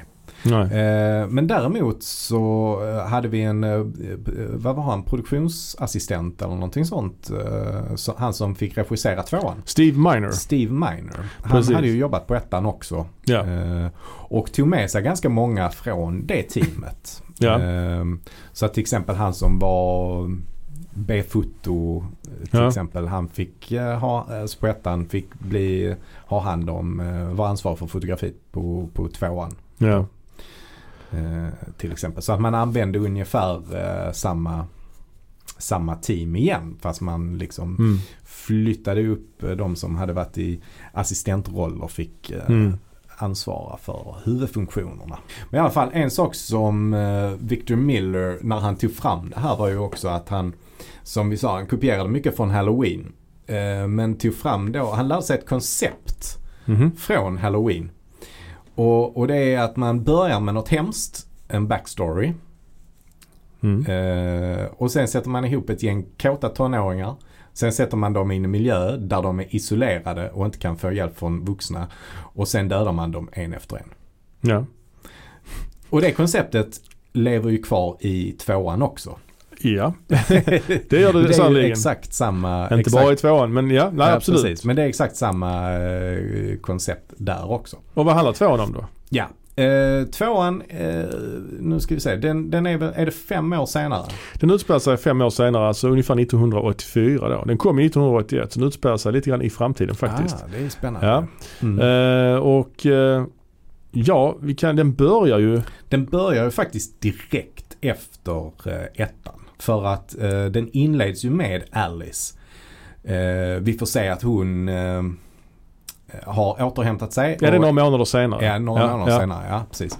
Hon har återhämtat sig och är hemma i sin lägenhet. Ja, just det. Eh, men har fortfarande hemska mardrömmar om det som har hänt. Ja, hon ligger och drömmer ju. Mm. Och hon drömmer ju i stort sett en resumé av ettan. Ja. Så om Ja. man inte har sett ettan Mm. så får man en liten resumé. Mm. Vad som har Mm. hänt i ettan. Det är bra. Mm. Men det var väl så här också att hon, Adrian King som spelade Alice, Ja. hon hade väl en stalker på riktigt. Ja precis så var det. Så att hon, hon blev ju också tidigt då innan, innan eh, produktionen drogs igång blev hon ju erbjuden och var med i tvåan. Ja. Men hon tackade nej till den och då, då eh, var det ju en del eh, rykten som spreds Mm. om att hon krävde alldeles för mycket i betalning. Just det. Eh, och att det var därför hon inte var med. Men det var ju inte det som var sanningen. Enligt Nej. henne själv i alla fall. Utan det var att hon hade en stalker. Ja. Så att efter att den här eh, filmen eh, släpptes på bio så blev hon ju ett välkänt namn. Ja. Och då fick hon en, eh, en, en, en stalker. Och hennes problem var väl att det inte var någon som tog henne på allvar. När hon, eh, för att det här var väl kanske inte så vanligt vid den tiden. Att, eh, Nej, det var inte så uppmärksammat liksom att man... nej Att kanske det fanns- inte. Det var ju i vevan i och för sig med John Lennon-mordet och, och även och Jodie Foster. Så det hade Mm. kanske blivit lite vanligare. Mm. Men ja, Mm, det var ju inte supervanligt kanske. nej. Eh, enligt henne i alla fall så var det ingen som tog henne på allvar vilket utsatte Nej. henne för väldigt eh, hög eh, psykisk stress. Precis. Eh, och det gjorde att hon eh, ville hålla sig undan eh, och inte, Ja. och inte eh, göra, göra film. Så att hon, Nej. hon medverkar väldigt lite i tvåan. Ja, Hon är bara med i öppningsscenen. Mm. Och öppningsscenen Mm. som sagt utspelar sig ju hemma hos henne. Alice. Det Ja. utspelar sig i stan faktiskt ju. Mm. Och den, den är jag tycker den här scenen är rätt, är rätt så bra. Alltså man bygger upp en ganska bra suspens här. Hon, Mm. hon ska gå in och duscha, hon går ut i köket. Man vet, man ser att det är någon som är på väg mot hennes lägenhet. Man ser fötter som går. Mm. Och där är till och med ett jump scare med hennes katt till och med. Så det, det är liksom, Ja, man bygger ja. upp en stämning och sen, sen är ju det att hon, hon öppnar kylskåpet och där ligger ett hu- avhugget huvud. Mm. Och det är väl, Mm. det är väl Mrs Voorhees huvud då. Mm. Som ligger i Mm. kylen. Och sen kommer en hand och tar henne och sticker henne i huvudet liksom. Så hon avlider. Mm. Mm. Och sen kommer de här för... En ishacka. En ishacka ja. Alla Basic Instinct. Ja. Och sen kommer förtexterna. Fast långt före Basic Jo, Instinct. jo, ja. Detta var en, precis verkligen en, en vad heter det, trailblazer när det gäller ishackor. Men just förtexterna kommer här och här etablerar man ju eh, lite grann av en förtexttradition också. De här eh, sjukt hetsig musik och eh, texter, i, alltså texter i hörnorna av bilden. Vit text på svart bakgrund Mm. som hoppar mellan olika hörn. Mm. Det är någonting man, som återkommer i flera av filmerna längre fram. Ja, alltså det inte i det. alla Ja. men i många av dem Mm. liksom. Men sen efter förtexterna så kommer ju storyn igång och då är det väl lite grann samma grej igen. Ja det är det ju. Det är ju exakt samma sak egentligen. Alltså, ja. Det har gått fem år och eh, nu ska man öppna det här lägret på nytt. Nej fast det är ett annat läger. De har Ja, okej. ett, det är ett annat läger, Ja. men det är samma sjö men det är ett annat läger. Ah, okej. Så att de nämner att det är en bit ifrån det här hemska lägret, allt det här hemska hände. Ja, ja. Men ändå. Och Mm. det är någon slags utbildning för lägerledare. Ja, precis. Ja. Eh, Så att vi har ett gäng ungdomar som ska övernatta där då. Eh, Ja. Och eh, det som är intressant här är ju att eh, det är lite tydligare karaktärer kan man säga. Ja, kan det vara. Eller klichéer av karaktärer. Ja, vi har, Personas. ja, vi har fitness-tjejen. Ja, ja. Har vi det? Okej. Där är en tjej som är så här eh, Ja, sportig och där är en kille som är så här sleazy mot henne. jag kallar henne för den snygga tjejen. Ja, Och den snygga killen. Fitness vet jag inte. ja men hon känns lite så, hon är så som joggar mycket och så. Ja, kanske. Jag tänker mer på att hon, hon har ju en sån liten hund. Det är ingen chihuahua, men nästan. Ja, ja. Typ. Just det. Så att hon är lite sådär, kanske utseendefixerad eh, Kanske. snygg tjej. Och, och han är ju då den snygga killen som är rätt störig mot henne. Ja, skjuter henne med en slangbella i rumpan till exempel. Ja, bland ja. annat. Ja. Eh, och sen har vi då huvudpersonen i filmen som heter Ginny Field. Mm. Som då är ihop med han som är chef för lägret. Det här, eller den här utbildningen Mm. för lägerledare. Spelas av Amy Steele. Hon är ingen Meryl Streep om man säger så. Men, men eh, ja, hon är där i alla fall. Sen har vi också den roliga killen. Ja, han som spelar någon slags Gameboy. Eh, primitiv version av ja, Game Ja, Han är lång, ja. smal, rödhårig. Är det han ja, du pratar om? ja, precis. Precis, precis han ja. Alltså som hela tiden gör pranks. Ja, det är ju alltid någon i varje film nästan Filmen, som gör filmen pranks. öppnar ju direkt med att han gör ett, eller den öppnar inte med det, men, men när, när vi har fått den här bakgrunden då, Mm. när eh, Alice mördas, Just det. så får vi träffa de här nya lägerledarna. Och börjar med två styckna. Ja. Eh, som väl är, vad ska man säga, de, de coola kanske man ska kalla dem för. Ja, det ja. coola paret. Det är en kille Okej. och en tjej som är ett par. De är rätt coola kan man säga. Och, och då så gör ju han den roliga killen ett prank på dem att deras bil blir bortboxerad. Just det. Så filmen börjar direkt med att han gör Ja. sånt prank där. Liksom. Och han har också någon portabel eh, dataspel Ja, tror jag. ja. Sen har vi en kille som sitter i rullstol. Mm. Och Som- han är ju den, den starka moraliska killen Ja, han som har- är väldigt snäll. Snäll stark. och liksom så här stark ja, precis. Och så har vi en tjej till då som är eh, också snäll kan man säga. Mm. Men det är många människor här alltså. Ja. Det är många karaktärer. Och sen har vi lägerledaren. Inte karaktärer, men som, det är många är, människor. som är ledaren. Ja, Och sen har vi då den lite så här slarviga tjejen som kommer för sent. Mhm, just det. Mm. Som ju är Ginny. Ja. ja, hon är ja, precis. Ja, huvudpersonen då. Ja, så att säga. huvudpersonen. Så att hon, hon etableras på något sätt som, ja vad ska man säga, lite, lite, lite rebellisk kanske. Alltså för att de kommer för sent och Mm. hon håller på och käftar emot mot ledaren och, Ja. och sådär. Och Hon, hon har också någon slags eh, eh, någon relation med honom sen tidigare verkar det som. Ja, ja, oh ja. Ja. Men sen har vi också Crazy Ralph, han återkommer också. Ja det gör han. Han är- han gör ett Absolut. bjublad comeback ju Mm. och varnar folk till höger och vänster. Ja. Men sen har vi, det, det är ju en scen också som fördjupar lite grann myt, mytologin i, den- i, i Fredagen 13 då. De Mm. sitter runt en lägereld och eh, han, lägerledaren berättar då om Jason. Mm. Att de säger att det finns en myt om att han var vuxen, att han aldrig dog och att han Mm. lever i skogen.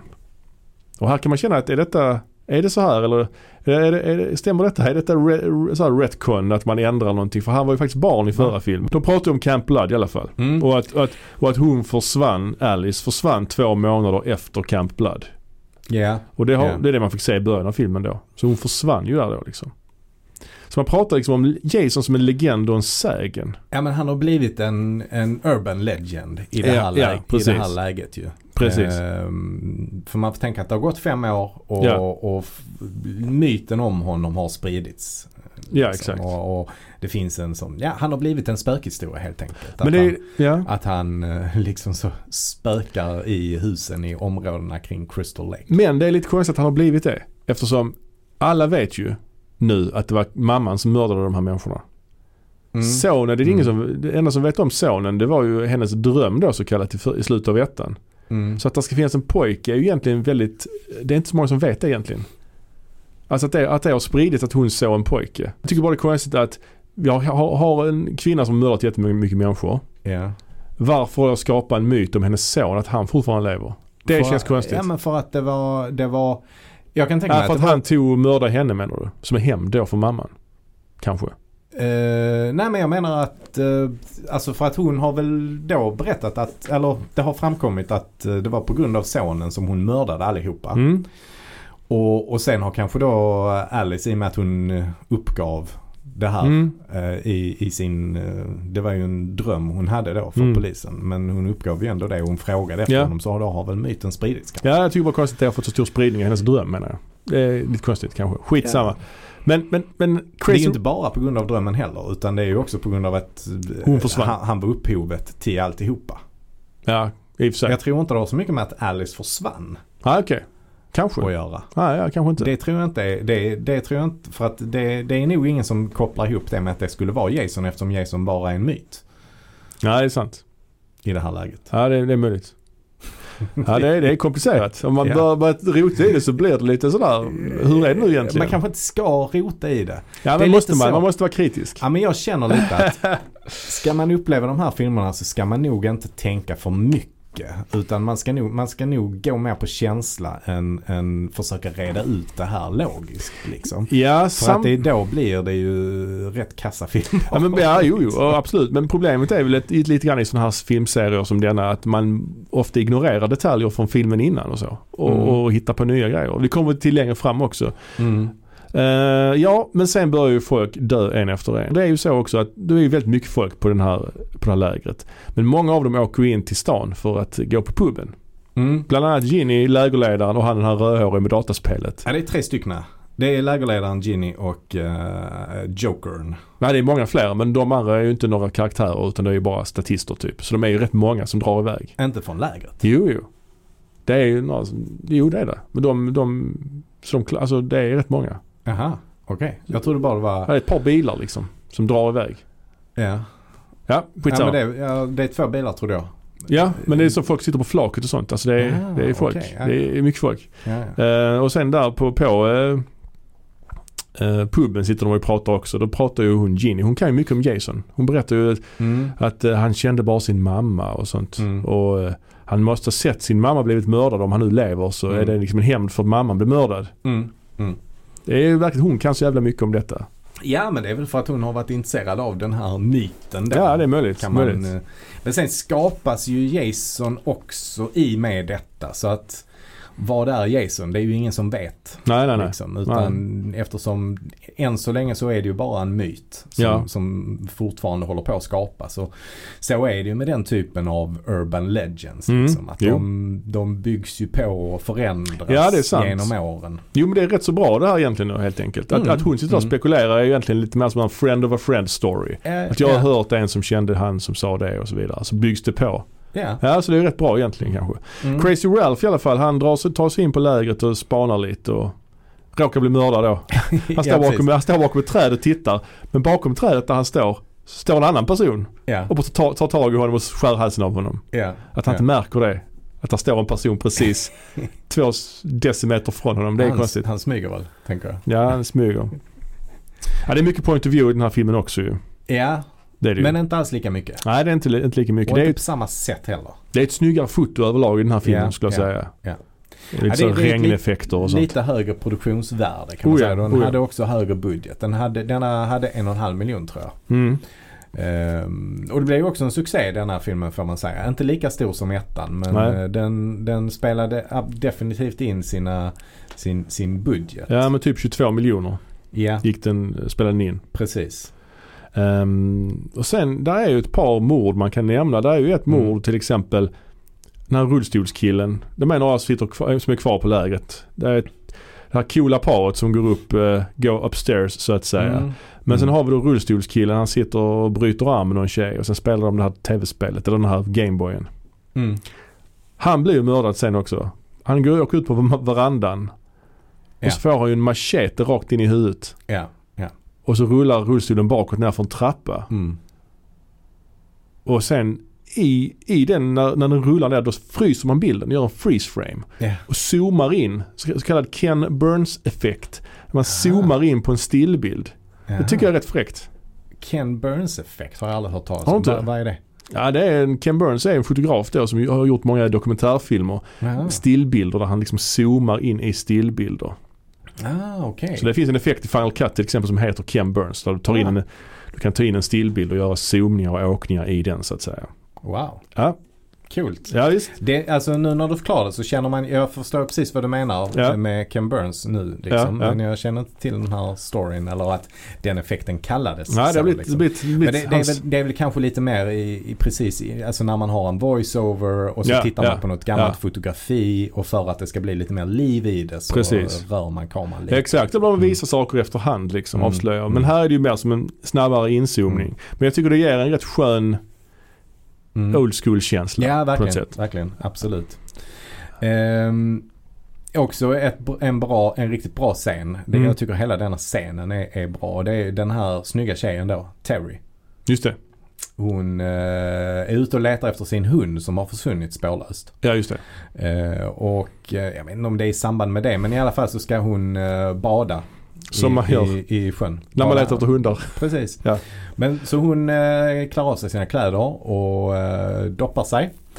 Och då kommer ju Scott som är den här störiga, Mm. eh, snygga killen. Och Just, ja, precis. tar hennes kläder. Just det här med nakenbad är ju en fin tradition också i de här filmerna, Mm. ska vi säga. Som etableras i tvåan. Ja, För det förekommer inget sånt i ettan. Och när hon sen ska gå upp igen så hittar hon ju inte kläderna. ja. Och då visar han sig, haha, jag har tagit dina kläder. Just det. Eh, på störigt killemanér. Ja. Eh, och då i alla fall när han ska eh, ge tillbaka kläderna så fastnar han ju i en sån här djurfälla. Just det. De har ju också tidigare i filmen varnat mycket för att det är Ja. mycket björnar i området så att eh, man, ska- man, ska, man ska passa sig lite för, eh, liksom, man ska inte ha mat ute och sådana grejer. Och sådär. Jag tror inte han ger tillbaks kläderna utan han, han springer nog. Jag tror inte han är så snäll så han ska ge tillbaks dem. Jo men det, han, han... Är det så? Ja men han... Liksom han slänger ett plagg i taget Han- ja. ja, Han är för precis. jävla taskig ja. Ja. Och han Så- hänger där och så ska hon kalla på hjälp då. Ja, så då hänger han ju upp och ner. Just Och det. då ska hon ju försöka få ner honom men hon behöver ju en kniv. Så hon Ja. springer tillbaka. Mm. Eh, Hon klär på sig och springer tillbaka till sin stuga och Mm. ska hämta en kniv. Och medan hon gör det, när han hänger där upp och ner, så kommer ju Jason. Ja. Och eh, skär halsen av honom när han, när han hänger så upp och ner. Ja det är bra. Det, Starkt. jag, ty- jag, tycker det är, jag tycker det är starkt. Man kan lite grann sätta sig in i den situationen. Bara det att, bara det att hänga upp och ner och sen bara så se ett par fötter. Ja. Liksom. Det, det är rätt, eh, rätt obehagligt. Man har ännu inte fått se Jason så. Nej det har man inte. Men man kan ju nämna det att han har ju inte den här klassiska hockeymasken i den här filmen. Alltså, han har ju någon slags säck på huvudet istället. Mm, mm. Med bara ett hål för ögat tror jag. Ja, ja.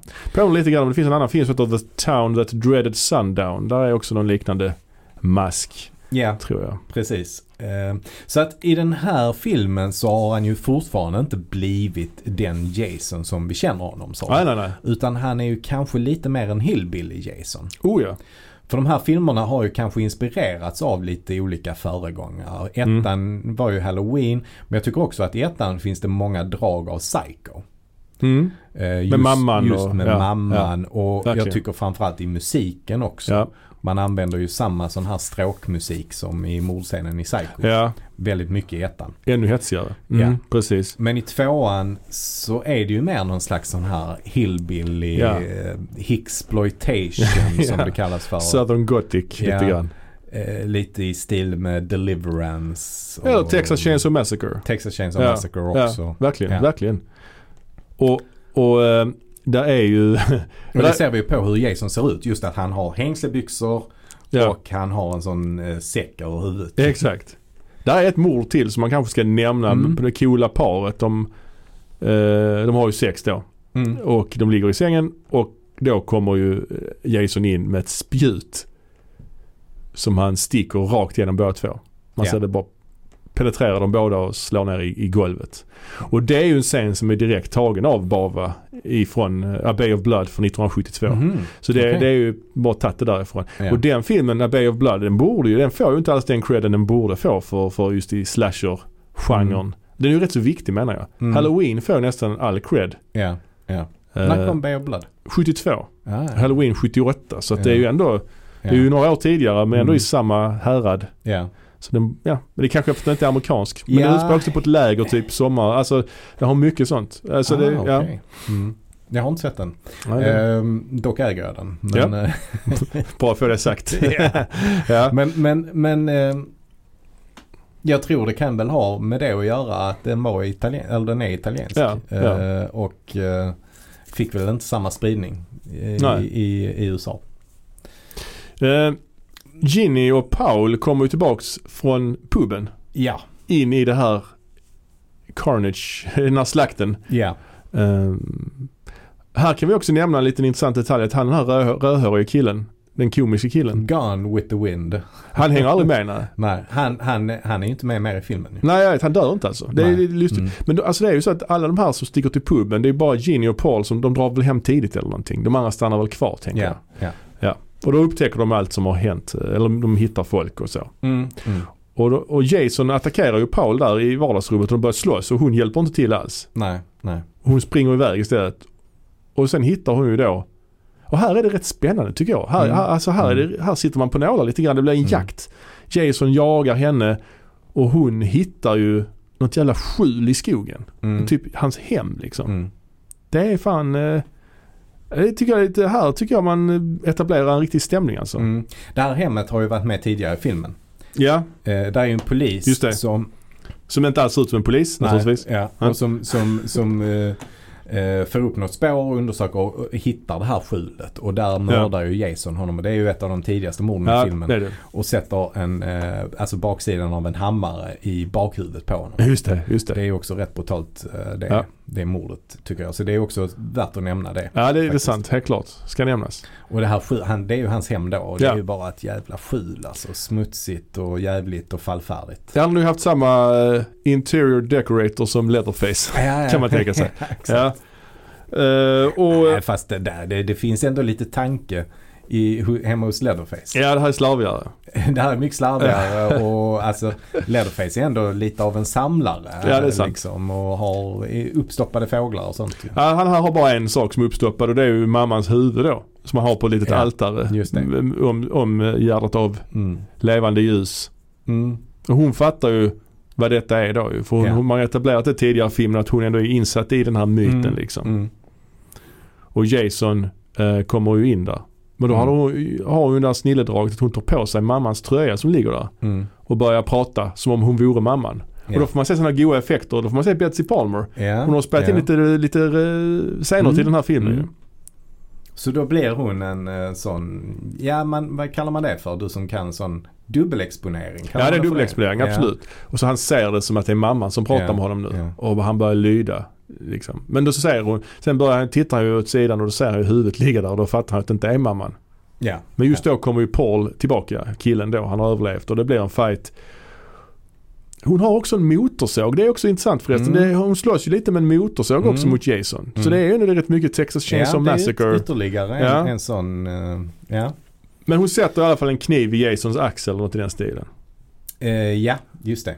Och eh, ja, sen drar de tillbaks till, till camp och allt är frid och fröjd tänker de liksom.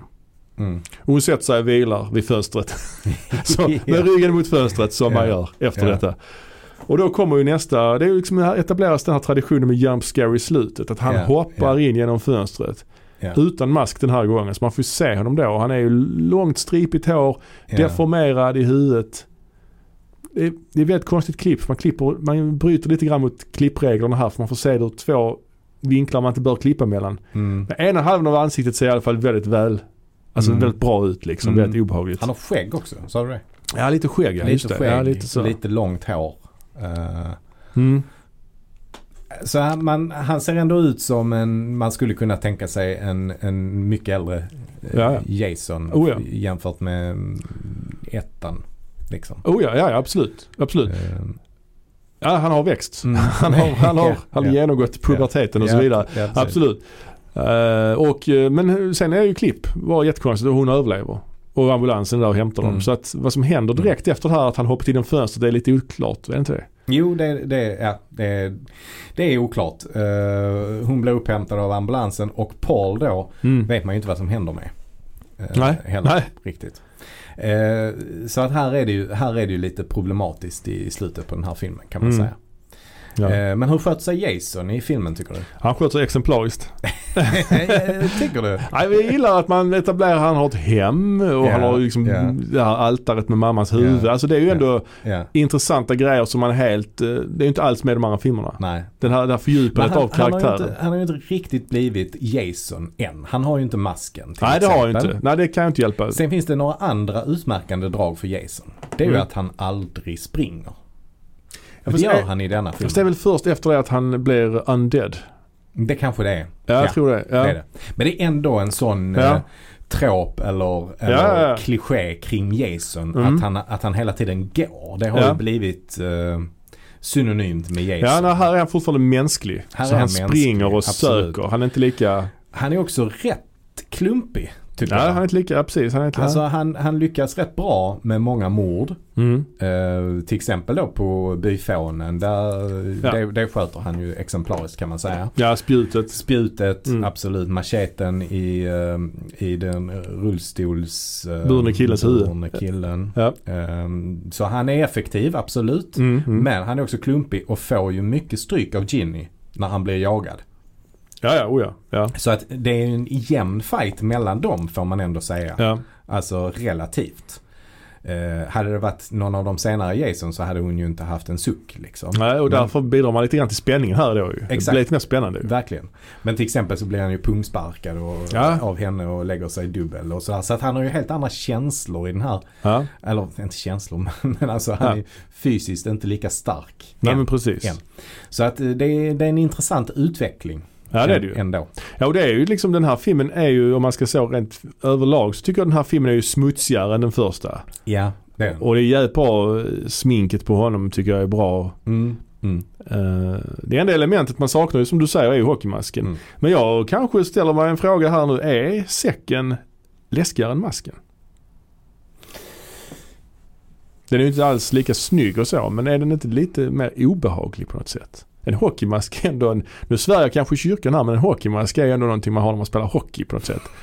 Varför har man det när man springer omkring i skogen? Det känns väldigt konstigt. Ja, Att han valt att behålla den. Vi kommer till, ja det, det, är inte, det är inte så lätt att svara på det. Nej. Så, om vi tar alltså Michael Ja. Myers, han har ju halloween, det är ju halloween, han har en halloween-mask på halloween. Det finns en logik där. ja, En hockeymask i skogen är inte lika logisk. Nej. Den är inte lika tydlig liksom. Så jag tänker ändå att det finns mycket sportattiraljer Ja det kan på det det här. Vi, ja, det får, vi får ju också se det i, ehm, lite i någon av de andra filmerna att det, Ja. det, det förekommer mycket sportaktiviteter på det här lägret. Bland annat Ja. skjuter de ju pilbåge och, Ja, och oh sådana saker. Allt för att han ska få vapen att använda sig av. Precis, Ja. precis. Eh, men i alla fall, man kan ju ändå tänka sig att det förekommer en, att det finns en sån Ja. mm, hockeymask som ligger där. Okej, ja, ja, okej, jag kan Så att köpa det, det. finns en Jag kan ändå, köpa ja. men, men jag håller absolut med dig. Alltså att eh, det är inte mm, så himla bra att ha på sig i skogen Nej, kanske. säcken är läskig i alla fall tycker jag. Ja, absolut, absolut.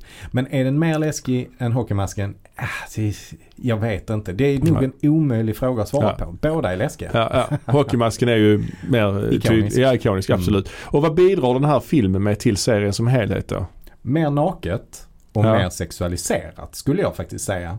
Och Jason som mördaren. Precis. Som huvud, huvudantagonisten liksom. Och förtexterna också, de här eh, Mm. eh, hetsiga. Ja. Mm. Eh, bästa mord då? Vad tycker du där? Vad har du där? Ehm, ja men det var, det var det som jag sa där med att uh, Scott hänger upp och ner när han har tagit Ja, kläderna från, från Terry. Ja. Det tycker jag är det, ja. det, tycker jag är eh, det bästa mordet. Men, men, men en bubblare är ju då eh, hammaren i bakhuvudet på polisen.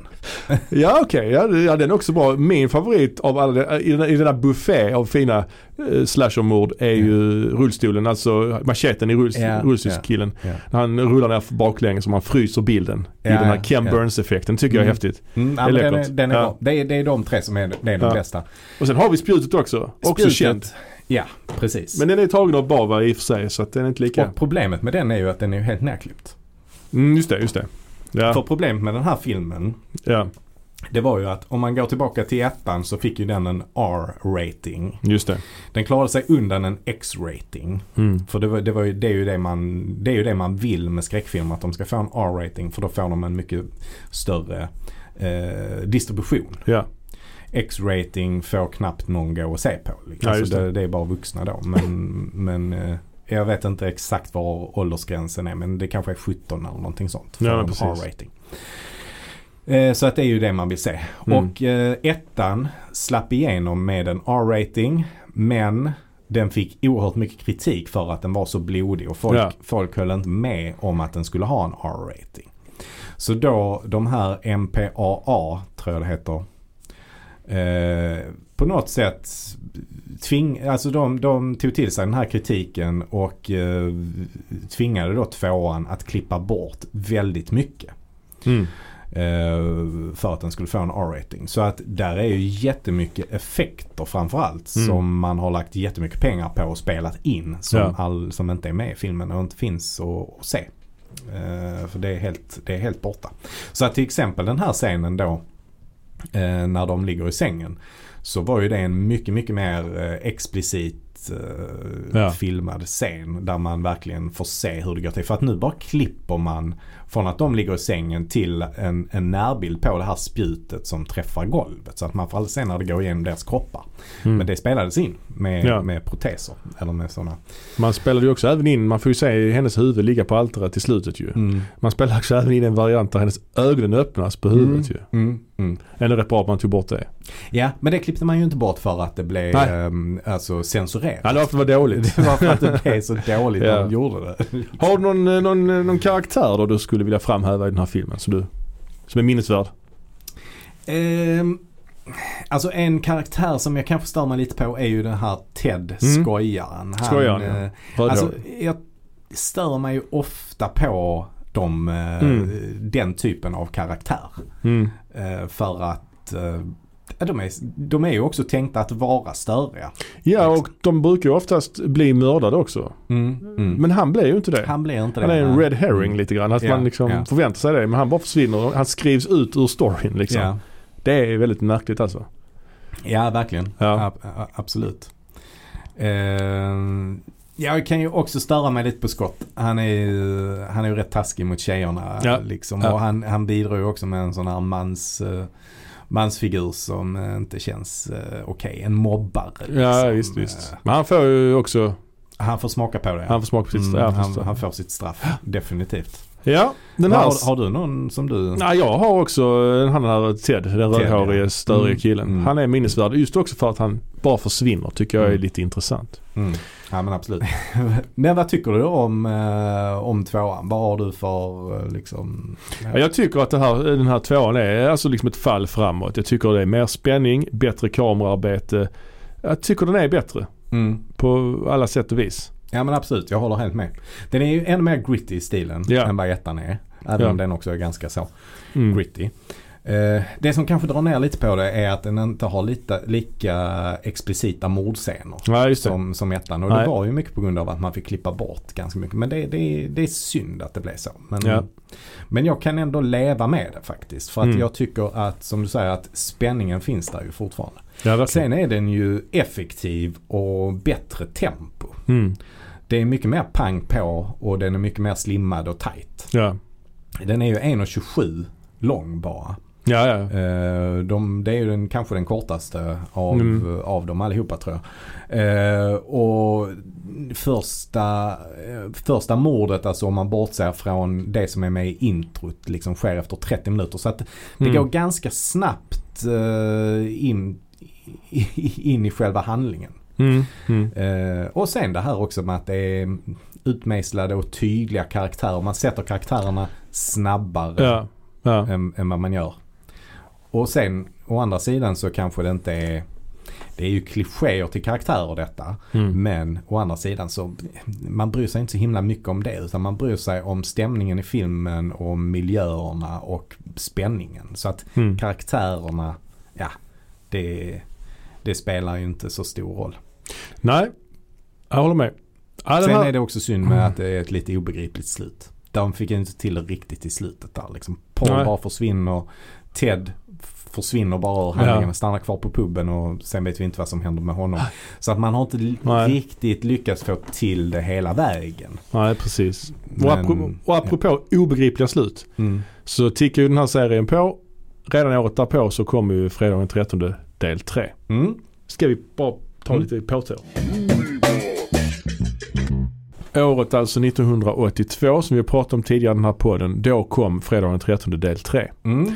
Och Steven Miner Ja. är tillbaka bakom eh, regispakarna. Exakt. Och den här filmen har ett par claim to fame, claims to fame. Mm. Dels, dels då att den är inspelad i 3D. Mm. Vilket var en ganska det var en stor grej då i början av 80-talet. för- Ja det var det. Det var även Hajen 3 Ja, som kom i 3D. precis. Och eh, några till filmer, jag tror någon Amityville Horror-film också var i 3D Mhm. faktiskt. Mm. Men det var just för att eh, ta upp kampen med VHS-bandspelarna som hade Ja, kommit då. ja. För att locka folk till biograferna. Och också när den här filmen hade premiär på sommaren 1982 så slog den ju ner eh, E.T. från första platsen Mm. på The Box Office. Så det är rätt coolt ju. Ja, och, och 1982 så blev den ju den näst mest inkomstbringande skräckfilmen. Ah. Nummer ett. Vet du vilken det var? Eh, 82, ja det måste varit Poltergeist. Ja, helt rätt. Ja. Eh, den här hade ju då i och med detta lite högre budget på 2,2 miljoner. Just det. Och den spelade in 36 miljoner så att det var ju en eh, framgång även detta. Ja detta är den mest framgångsrika uppföljaren ju. Fram till det att de släppte Jason vs Freddy. Vi har en ny eh, producent som kommer in och Mhm. tar över nu och det är då Frank Mancuso Jr. Ja just det. Eh, och eh, han, han fortsatte ju sen och har hand om eh, den här serien i ytterligare någon eller några filmer till. Och den här filmen är inspelad i Kalifornien istället för eh, östkusten. Jaha. Vilket okej. börjar märkas lite i, eh, alltså det skiftar lite i naturen. Lite Mm. annorlunda Mm, vegetation. mm, mm. Eh, lite soligare Ja. och så vidare. Ehm, och egentligen skulle det ju vara samma huvudperson i den här som i tvåan. Den här Ginny-tjejen. Men Mm. hon hoppar ju av. Ja. Så man strök ju den idén. Mm. Men den börjar ju eh, verkligen, den börjar ju med en resumé Mm. av tvåan. Väldigt lång sådan. Men även ettan väl? Ja, lite ettan också. Mm. Men man visar verkligen hela slutet på tvåan. Ja. Och sen är det också ett nyhetsinslag också med bilder. Eh, man vet, man visar, kolla på nyheterna som har hänt på det här lägret. Och då får Mm. man se när de bär ut Ginny då på båren. Och det är ju samma klipp, det är ett klipp från tvåan man använder Mm. som ett nyhetsinslag. Och sånt har jag jävligt svårt för. När man Ja, tar liksom ett klipp ifrån en film och låter det vara en del av så att säga verkligheten helt plötsligt. Det är precis som om man har foton på väggarna så är det stillbilder från en tidigare film. Ja. Det tycker jag, sånt har jag svårt för helt enkelt. Mm. Men i alla fall den här filmen är gjord i 3D som sagt och det märks ju. Där är ju Ja, många scener som är, ja, det är många scener som är gjorda bara för att kunna använda sig av 3D-effekter. Ja. Förtexterna till exempel är ju i 3D. Mm. Mm. Ja men Ja, rätt så ball. de så swishar fram mot en. Ja. Och redan i förtexterna så märker vi att det här är någonting annat ju. Ja, musiken. För eh, dels att förtexterna är så som de är. De är Ja. mycket mer snabba och de skjuts ut mot tittaren liksom. Och sen är det ju musiken som är någonting helt annat. Det är fortfarande samma kompositör till den här filmen. Så det är Manfredini. fortfarande Harry Manfredini som, det är ett rätt coolt namn faktiskt. Ja, det är om man det. tänker på Harry Manfredini. Ja. Alltså, Låter som en trollkarl. Ja, Harry Houdini är inte långt ifrån. Manfred Houdini. Ja, Men alltså Manfred, både Manfred och Harry är coola namn. det är det. Absolut. Så Manfredini blir ju Mm. dubbelt coolt då. Ja. Ja, ehm, han är, har i alla fall komponerat den här musiken men han eh, frångår sin, alltså tidigare så använde han ju mycket så stråkar Mm, och or, orkester, alltså musik. ja. Ehm, Här är det något helt annat. Är det ja, disco. Här, här är det, det är disco.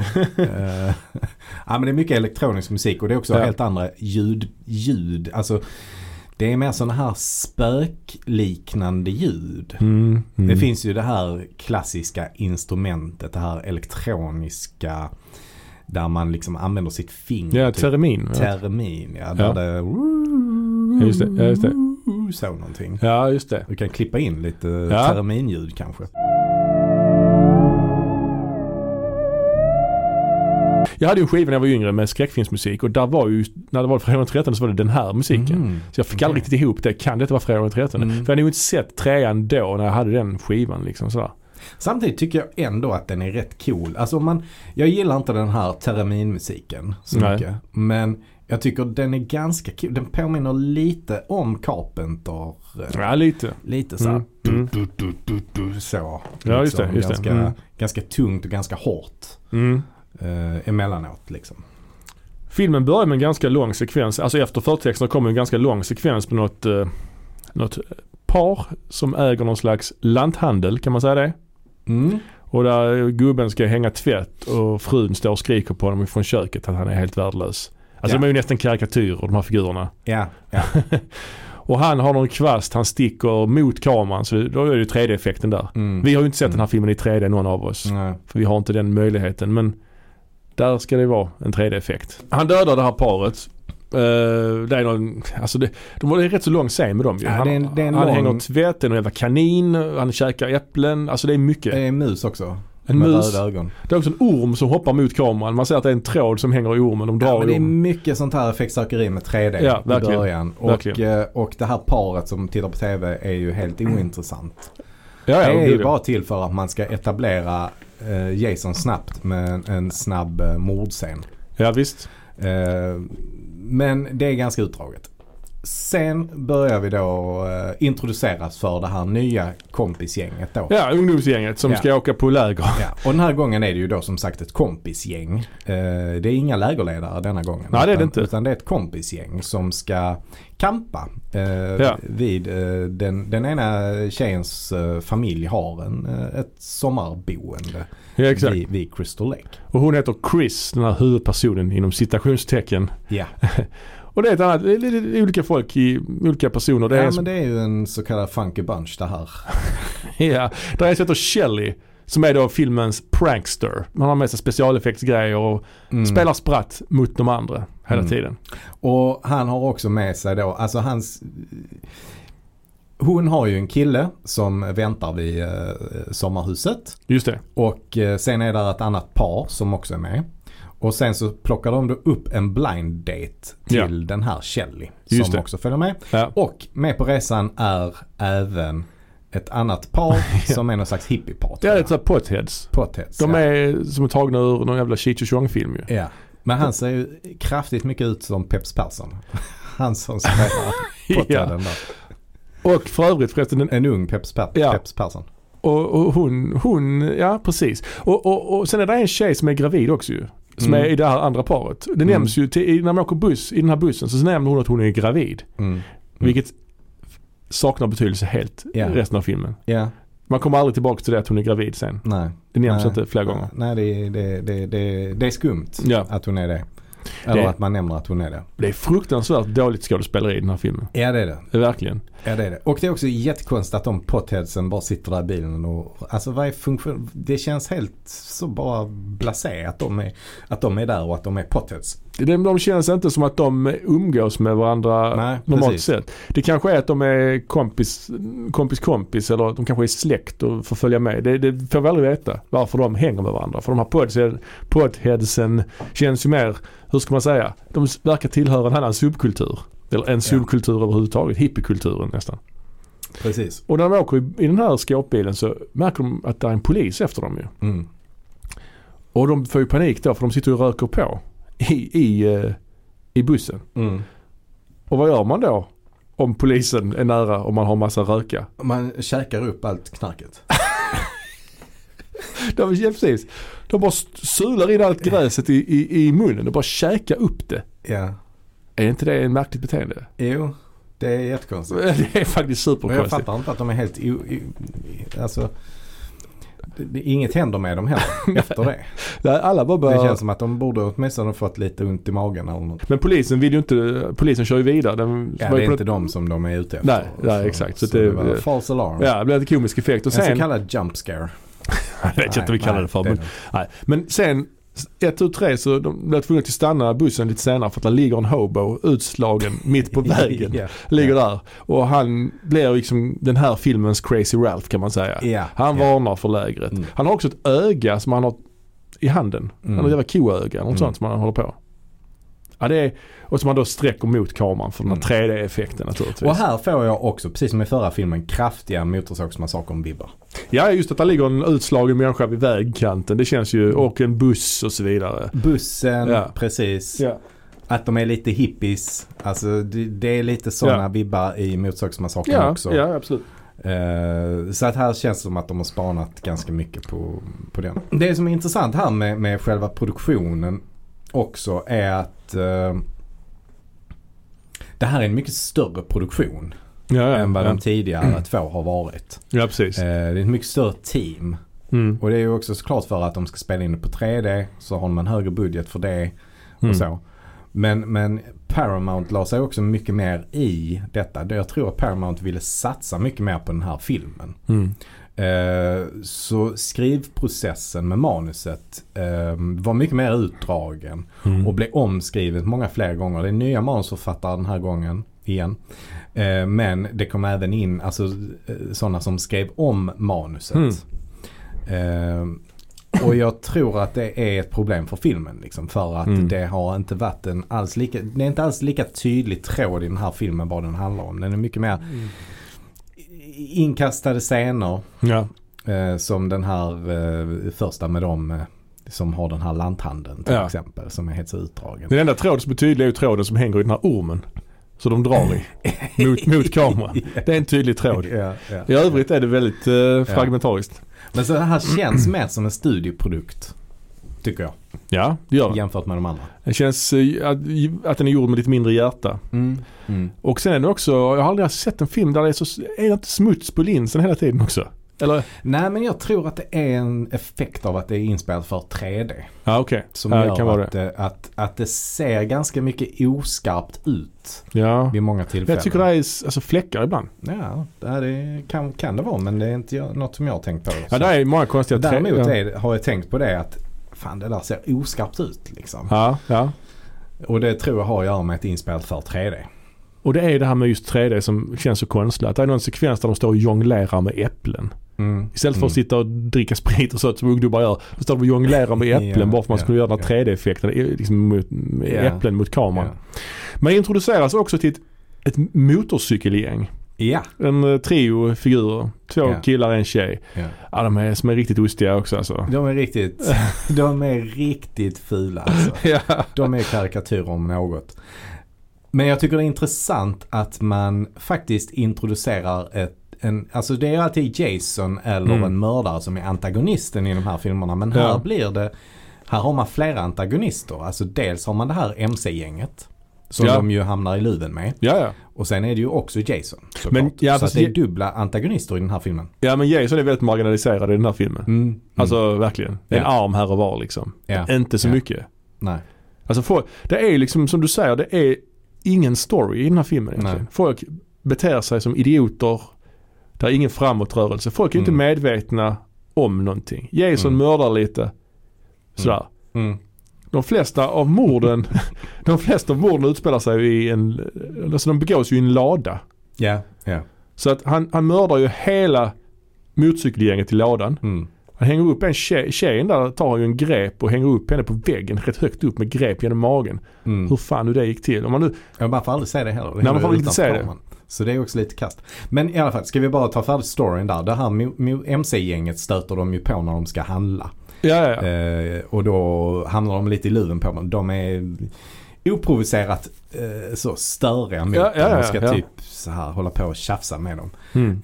Eh, och då hämnas de lite genom att köra på deras motorcyklar och sånt. Just det. Och då blir de ju sura Ja. och följer efter dem och tar deras bensin. Just det. Och medan de gör det då så hittar hon tjejen en lada som hon går in i Mm. eh, och svingar sig lite från någon sån här åker gunga på någon sån, Just det. någon sånt rep som hänger där inne. Just det. Och då kommer ju Jason dit Ja. och, eh, och mördar dem. Men det är i och för sig ledaren för MC-gänget han klarar sig där. Liksom. Men, ja, det vet vi ju inte. Nej, Det, men, det blir en twist. ja, det blir en twist. Men, men det är ju liksom konstigt att eh, att just uh, hur han, alltså man får ändå komma ihåg att han fortfarande bara är människa här Jason. Mm. Att han just Mm. kan, att han är så superstark, kan lyfta upp folk och hänga Mm. dem på en vägg med en grep och så vidare.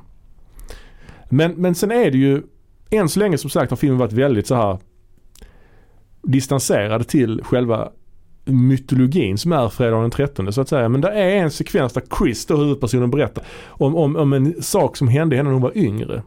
Mm. Där har man får se en liten flashback. Det är dubbelexponerat när hon Mm. berättar att hon var ute i skogen och att hon såg en konstig man där som attackerade henne. Mm. Men hon sprang därifrån. Och det, och det ska då vara Jason. Mm. Men det är konstigt dels att hon överlevde, att inte han sprang efter henne. Mm. Sen ser hon inte ut som han gör i tvåan, han har inget hår längre och jag vet Mm. inte, det, det är väl det enda som knyter ihop att, att det har hänt, alltså det här enda som Alltså har... jag fattar ingenting av den där, Nej, av den där scenen. När skulle det ha hänt? Och liksom... det finns ju teorier jag har läst om att, att det ska vara någon slags, att man eh, antyder att hon blivit våldtagen av honom. Mm. Och att hon är lite så här eh, djupt ärrad av det. Mhm. I, i, Mm. i, i, filmen då liksom. Ja, okej. Ja. Men det är liksom inte uttalat på något sätt. Nej. Nej. Ehm, Sen har vi då, om jag får lov, lov mm. den här Shelley då, den här prankstern. Ja. Som hela tiden gör tokiga saker. Han har då en hockeymask han tar på sig och Mm. en harpun. Ja. Och hoppar fram och skrämmer folk. Han måste vara sjuk i huvudet alltså. Han måste vara sinnessjuk ju. Ja, ja, han är sån, ja. Ja. Ja. ehm, en annan sak som den här filmen är sprängfylld med. Mm. Det är sådana här så kallade fake jump scares. Ja, att någon kommer fram och lägger en hand på axeln. Ja. Och så spelar man uh, jättehög musik Ja, just plö- plötsligt. Alltså, alltså jump scares, eh, ja det är ju när något plötsligt händer så att man Ja. hoppar till. Det är därför det heter jump scares. Ja. Och sen fake jump scares. Det är ju då när, när man bygger upp någon slags spänning som att man hör något ljud av något slag. Mm. Och så går någon och letar och försöker se vad det är för någonting. Och sen så eh, får man då ett snabbt klipp och så får man se vad det är. Men det var Mm. inget farligt. Ja, ja, katten till exempel som hoppar fram och så vidare. Så ett Ja. känt exempel är ju i filmen Alien. Där vi har en katt ju som, Ja, som ja, hoppar mot mot kameran typ. Ja, precis. Och ka- Någonting den katten har, eller den katten, men katt som fenomen där har ju återkommit i även Fredag den 13 i tvåan i början där var en katt till exempel. Ja. Ja, Men den precis. här trean, alltså det är ju världsrekord Mm. i uh, fake jump scares. Alltså Ja. Det är ju bisarrt Ja. nästan. Liksom. För det är ju var femte minut känns det som. Ja, ja, så har vi ett nytt fake jump ja, ja visst. Och det, de har ju lagt mycket mer krut på dem än, än på att sk- skapa någonting riktigt Ja. där. Nu är det racing på gatan. Och opera och opera i, hos grannen. Ja. Vi får se hur det blir. Ja. ja men det är ju mycket sånt att någon bara lägger handen på axeln. Istället för att säga Mm. hej liksom Mm. på avstånd. Så går man fram till personen och bara slår till den på axeln. Ja. Så den ska Ja. bli rädd och så. Men Jason han tar ju den här hockeymasken. Ja. För Shelley lämnar den ifrån sig eh, obevakad. Mm. Så Mm. första gången man får se Jason i sin hockeymask, den ikoniska masken, är ju när han kommer, för det är en tjej som ska, en av de här tjejerna ska gå och bada. Mm. För hon är lite sur, känner sig lite sviken så hon ska bada. Ja. Och då kommer han med hockeymasken utlufsandes Ja. med hockeymasken och harpun i, i hand. Ja. Och går ut på bryggan. Och hon tror att det är Shelley då. Mm. Hon Mm. noterar inte att han är dubbelt så lång. Och, Nej, Alltså och så skjuter han ju då den här harpunen i någon härlig 3D-effekt och träffar henne rakt i ögat ju. Ja. Och hon dör. Så det, det är första gången man får se honom i den här masken. Mm. Underwhelming, kan man kalla det för det? Eh, ja, absolut. ja men det är det ju. Det är det ju faktiskt. Han bara dyker upp och står Ja. också lite så fult gömd bakom en eh, stolpe. Ja, ja, Alltså, ja. det, det, är, det är underwhelming, definitivt. Sen är det ju eh, det här paret då som, eh, ja de har eh, sex. Det är någon, de har någon, hängmatta. De har ingen säng Mm. de har en hängmatta istället. Sen killen då, han ska gå, han ska gå därifrån så bestämmer han sig för att han ska gå på händer. Så, så han går på händer istället. Just det, just Och då kommer Jason och hugger honom. Ja. Det är också väldigt märkligt. Ja. Sen tjejen då i, i eh, hon i hängmattan. Hon dör ju ungefär på samma sätt som Kevin Bacon i ettan ju. Ja, ja. Hon ligger och läser, ett- såg du vad hon låg och läste för någonting? ja, det är kul ju faktiskt. Ja. Fangoria. Hon läser ett nummer av skräcktidningen Fangoria. Ja, och Det där är- är även, hon bläddrar förbi, det är inte det, hon, hon läser en artikel om Godzilla tror jag. Ja. Men hon bläddrar även förbi en artikel om Tom Savini som ju Ah. eh, gjorde effekterna till ettan. Det, man får se hans namn fladdra förbi i tidningen. Ja men Eh, precis. Så det är ju en, ja, jag vet inte vad man tycker om det egentligen. Alltså, det är ju en blinkning såklart men eh, samtidigt så känns det som att ah, man, man släpper all seriositet kring den här filmen. Alltså Ja, ja. Man, man, man vågar inte riktigt eh, så. Nej. Det känns som att man börjar blanda in rätt mycket humor här ju. Ja, Ehm, och blir självmedveten. Och precis. lite ironiserar kring vad man själv självironiserar. Ja. Liksom. Ja, han, han, Vilket ju inte ger så mycket tycker inte jag. nej. Och sen är det ett, ett lustigt mord också på eh, alltså huvudpersonen Chris kille. Mm, Han tar- Rick. Ja, han tar, håller ho- honom runt huvudet och klämmer åt hans huvud med sin styrka. Så hans ena öga poppar ut ur huvudet. Ja. ja. I någon härlig 3D-effekt och det är Mm, riktigt, mm. Det är obviously en docka naturligtvis. Alltså det är så eh, kackigt gjort alltså. Tycker du det? Ah, jag vet inte fan. Jag tycker det är, det är, eh, Ja, det är humor. höj, höjdpunkten Ja, det är det. med filmen. Absolut, absolut. Det är på något sätt är någonting som har ägat sig fast lite. Ja, kanske det. Äggat sig fast. Ja, etsat. Etsat Etsat sig mer kanske, jag vet inte. Ja, sen är det någon uppgörelse i den här ladan då. Som sagt oproportionerligt mycket tid har filmen utspelat sig i den här ladan. Ja. Där då Chris ska slåss mot Jason. Men den här motorcykelkilleledaren, han lever. Mm. Man trodde han var död men han Mm. dyker också upp bara för att sen bli dödad direkt ändå. Jason hugger av hans arm och dödar honom och så vidare. Mm. Och hon sätter en yxa i huvudet på Jason men han dör inte ändå. Och eh, ja, men till slut så får, får hon ihjäl honom ju. Ja. Och Jason är riktigt dålig i den här filmen alltså. Han lufsar omkring, han har dålig hållning. Ja, det Han, har liksom, Ja, han är lite krum. dålig. Ja. Ja. Men han är, han är större helt plötsligt och starkare ju. än vad han var oh ja. tidigare. Ja. Han har Eh, annat, han, han, han ser inte likadan ut längre heller. Nej. Han har fått ett nytt nej. utseende. Mm. Man har valt en ny sminkning på honom under masken. Det är också märkligt val alltså. Men, men det fulaste av allting i denna filmen. Det är Ja. när de har slutfighten i ladan. Och, och hon ehm, slår ner honom så han tuppar av med någon spade tror jag. ja. Och så tar hon ett, ett, det här repet som den här MC-tjejen svingade sig eh, Ja. tidigare. Ja. Och stryper honom med och kastar ut honom så han hänger liksom. Han blir hängd från ladan. Just det. Och sen så hoppar hon ner då. Och när hon ska gå ut så vaknar Jason till liv igen. Och liksom hivar sig upp lite grann. Och då bara tar han av sig masken och bara så här Typ räcker ut tungan och Ja. gör något Ja. sånt. Alltså det är så jävla fult. Och ler. Och ler. Och över hon bara känner igen honom då från sin den här flashback. Man fick säga att oh det är du. Ja, ja. Hur fan känner han igen henne? Ja det Mm. kanske han gör i och för sig. Ja det är lite, han är lite så, han, han ler och liksom så, han sk- skojar till det där lite grann. Mm. Det är också lite Ja, out of är- character. Ja det är out of character och det är den fulaste scenen i hela filmen tycker jag. Men sen får hon ju ihjäl honom i alla fall. Mm, mm. Och sen är det ju en kopia på slutet av ettan egentligen. Hon tar en kanot, sticker ut på sjön Ja. och sen ser hon i fönstret på huset att där står han igen. Mm. Och håller på att räcka ut tungan och har sig och Ja. spe- spektrar lite. Ja. Och sen bakom henne hoppar då Mrs Voorhees upp ja. Och drar ner henne. Det är också jättekonstigt. Ja det är helt obegripligt ju. Ja, det är helt ogenomtänkt. Ja, ja. Ja, det, det är riktigt För hon har ju, man har ju sett en grav på henne tidigare. Ja, ja, ja. Hon, hon, hon är ju, ja, hon, hon är död ju. Halshuggen och allt. Och hon den här som hoppar upp är ju för, en slags förruttnad variant av henne ju. Mm. Ser ut som en sån häxa som man har på eh, tivoli. En sån här spöktunnel. I stort Ja. sett. Ja. Ja, jag fattar inte det där liksom. Varför är det så? Nej, nej. Nej, Ja, jag tror ja. min, mitt svar på det är att Paramount har lagt sig i detta och vill göra någonting annat av det. Mm. De vill göra ett spektakel av Ja, den här ja. filmen. Och de tänker sig att okej det här är sista chansen vi har nu. Nu ska vi eh, göra någonting riktigt stort och vi ska dra mycket publik. Ja. Så vi kör in 3D, vi pumpar med jump scares Ja. och vi gör det lite mer komiskt. Liksom. ja, precis.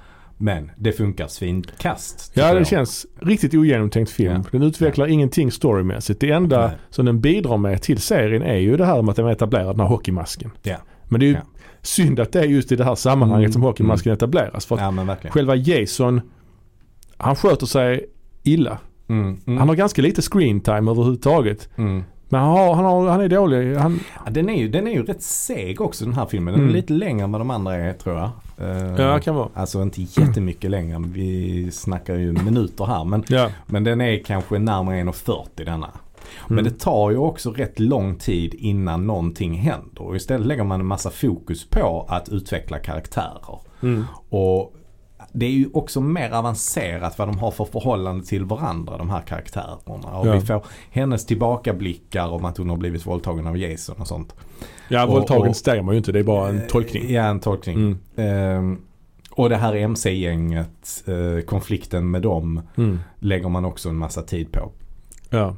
Så att den är ju seg. Det tar ju nästan en timme innan den här filmen kommer igång på riktigt. Mm. Ja. Och just också man har segat rätt mycket med en lång resumé av tvåan och även Mm. lite av ettan. Mm. Men där är ändå ett body count på 12 personer. Mm. Och då räknar jag väl inte Jason. Mm. Eh, Vad hade vi på tvåan? Två, tvåan är bara nio. Men, men eh, jag kan också, man kan också nämna apropå, apropå hockeymasken så Mm. är det ju faktiskt så att 1982 kom ju en annan film med en hockeymask. Vet du vilken jag tänker på? det är en annan genre. Slagskott. Nej. Nej. Eller jag sa fel, den kom 1982 till USA. 1981 släpptes den i övriga världen. Jaha. Jag tänker på Mad Max 2, The Road Warrior. Ah. Där har ju huvud, huvudantagonisten Lord Humongous ah. också en hockeymask. Ah, okej. Så eh, Fredag den 13 var inte först på den här punkten Nej, nej. vill, man, vill jag poängtera. Det är faktiskt eh, en bra, en bra sån eh, fun fact. Ja. Bästa mord då, vad har vi här? Det är ett svagt urval den här gången tycker jag. Ja det är det. Men, eh, men eh, jag nominerar då Rick som får huvudet Ja. ihoptryckt av Jason så att ögat ploppar ut. Ja, huvudkrossen. Ja, usel Mm. men kul. ja, ja.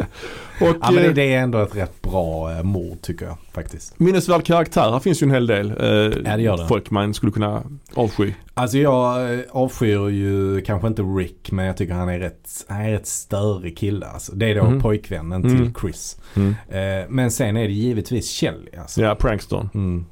Vi har också Stoner-paret. ja, ja, ja. Eller motorcykelgänget. Har du tänkt på hur taffligt uh, Stoner-killen dör? Nej. Alltså man tänker sig ju ändå att Stoner Alltså i den här typen av filmer så är det ju ofta då att Alltså de är ju på något sätt konservativa liksom. Det är ju de här skötsamma som ska klara sig. Och då tänker Ja. man att Stoner är ju så långt ifrån det som möjligt. Oh, ja. Så då tänker man att han ska få den grymmaste döden. Men det får han ju inte riktigt. Utan han blir ju bara inputtad i en sån Elcentral. Dör, ja, elcentral. Så han dör av en elchock. Just det, just Det är det. så fattigt liksom. Ja men det är väl också för att etablera att hela elen går och Ja, Alltså du ska ja. alltid klippa telefonlinjen och Mm. så vidare i sådana här Mm. filmer. Det är innan mobilernas tid. Ja, okej. Ska vi gå vidare i denna svit av filmer? Ja. Vi hoppar fram till 1984. Alltså man hade ett uppehåll där 1983 kom det ingen film. Mm. 1984 kommer då Friday the 13th, The Final Chapter. Jaha, så man hoppar över ett år där? Det har Ja, jag inte ja. tänkt. Jag har bara tänkt att de kom... Nej, eh, man hade ett paus där. 84. men det är sant. 80... 83, 87 har man eh, paus. Men det intressanta här är ju då att man avviker från numreringen. Så den här filmen heter ju inte del 4, den heter bara The Final Chapter. Friday the Mm. 13th, The Final Chapter. Ja, okej. Den heter inte del 4? Nej. Nej. Och här tänkte, detta skulle ju vara den sista filmen tänkte man ju från början ju. Mm. Och det etablerar man i trailern också. Nu är det Jasons Mm, sista, mm. sista Jason och så vidare. Det är intressant grepp ändå att man eh, både i trailern och på omslaget också som är kanske det mest kända omslaget här med hockeymasken med kniv Ja. i ögat, Ja, blod. Att man indikerar liksom att Jason ska dö för gott. Mm. Var är Mm. spänningen då liksom? Ja. Nu ska han dö. Liksom. Ja. ja. Ja. ja, det är märkligt. Men det är återproducerat av Mancuso ja. och eh, Tom Savini är tillbaka också. Just det. Står för effekterna ja i den här märks får filmen. man säga. Mm. Ja men det gör det. Och här inleder man väl lite grann av en minitrilogi då med karaktären Tommy Jarvis som någon slags Mm. protagonist ju. För Mm. serien, serien har ju saknat en tydlig återkommande protagonist. Ja. Jämför man jämför med Halloween där man har Laurie Strode i alla fall i de två första filmerna. Mm. Eh, och sen som återkommer sen längre fram i serien. Men så här, här har man ju det då liksom. Mm. Och återigen så inleds ju den här filmen med ett, med ett collage. Flashback collage, en resumé. Man får se den här lägereldsscenen från tvåan igen. Och man klipper också lite grann grejer från ettan och mord ifrån trean också. Så att man etablerar Jason som den här eh, ondskefulla kraften. Ja. Och den tar också vid direkt efter trean. Mm. Det innebär ju då att den här filmen utspelar sig inte på fredagen den 13 utan på Mm. lördagen den 14. ja, precis. Så det, är, det här datumet fredagen den 13 är ju inte jätterelevant egentligen för nej, de här det är filmerna. Nej. Halloween är ju ändå liksom en högtid där det är monster och så vidare. Ja. Eh, maskerader hit och dit. Men fredagen den 13 är ju bara helt random Mm. egentligen liksom. Så att, eh, ja. Mm. Vad har vi för handling här då? Vi har ju, det är väl lite grann samma handling ändå. Den börjar ju som sagt direkt efter, eh, Mm. Efter trean. Men det är också ett kompisgäng. Gud. Ja, det låter som han, Han övar. han övar ja. Han lite spruckna toner tycker jag. Ja, det är det. Han är inte... Ja men alltså efter de feta förtexterna, för de är feta ju. Ja, de är Hockeymasken som feta. slår Mm. i sönder loggan och så vidare. Mm. Så är det ju då att man får ju se att ambulansen har kommit till den här slakten som Mm. eh, skett i trean. Och här har vi intressant en ambulansförare, han är rätt, som är besviken ju. Alla är redan döda. Ah, varför? Det, är, vad det här är ingen, inget, inget akut om alla redan är döda. Jag är helt besviken. Ja, ja. Some, Ja, säger some Jason, emergency. Jason ligger ju där också utslagen. va?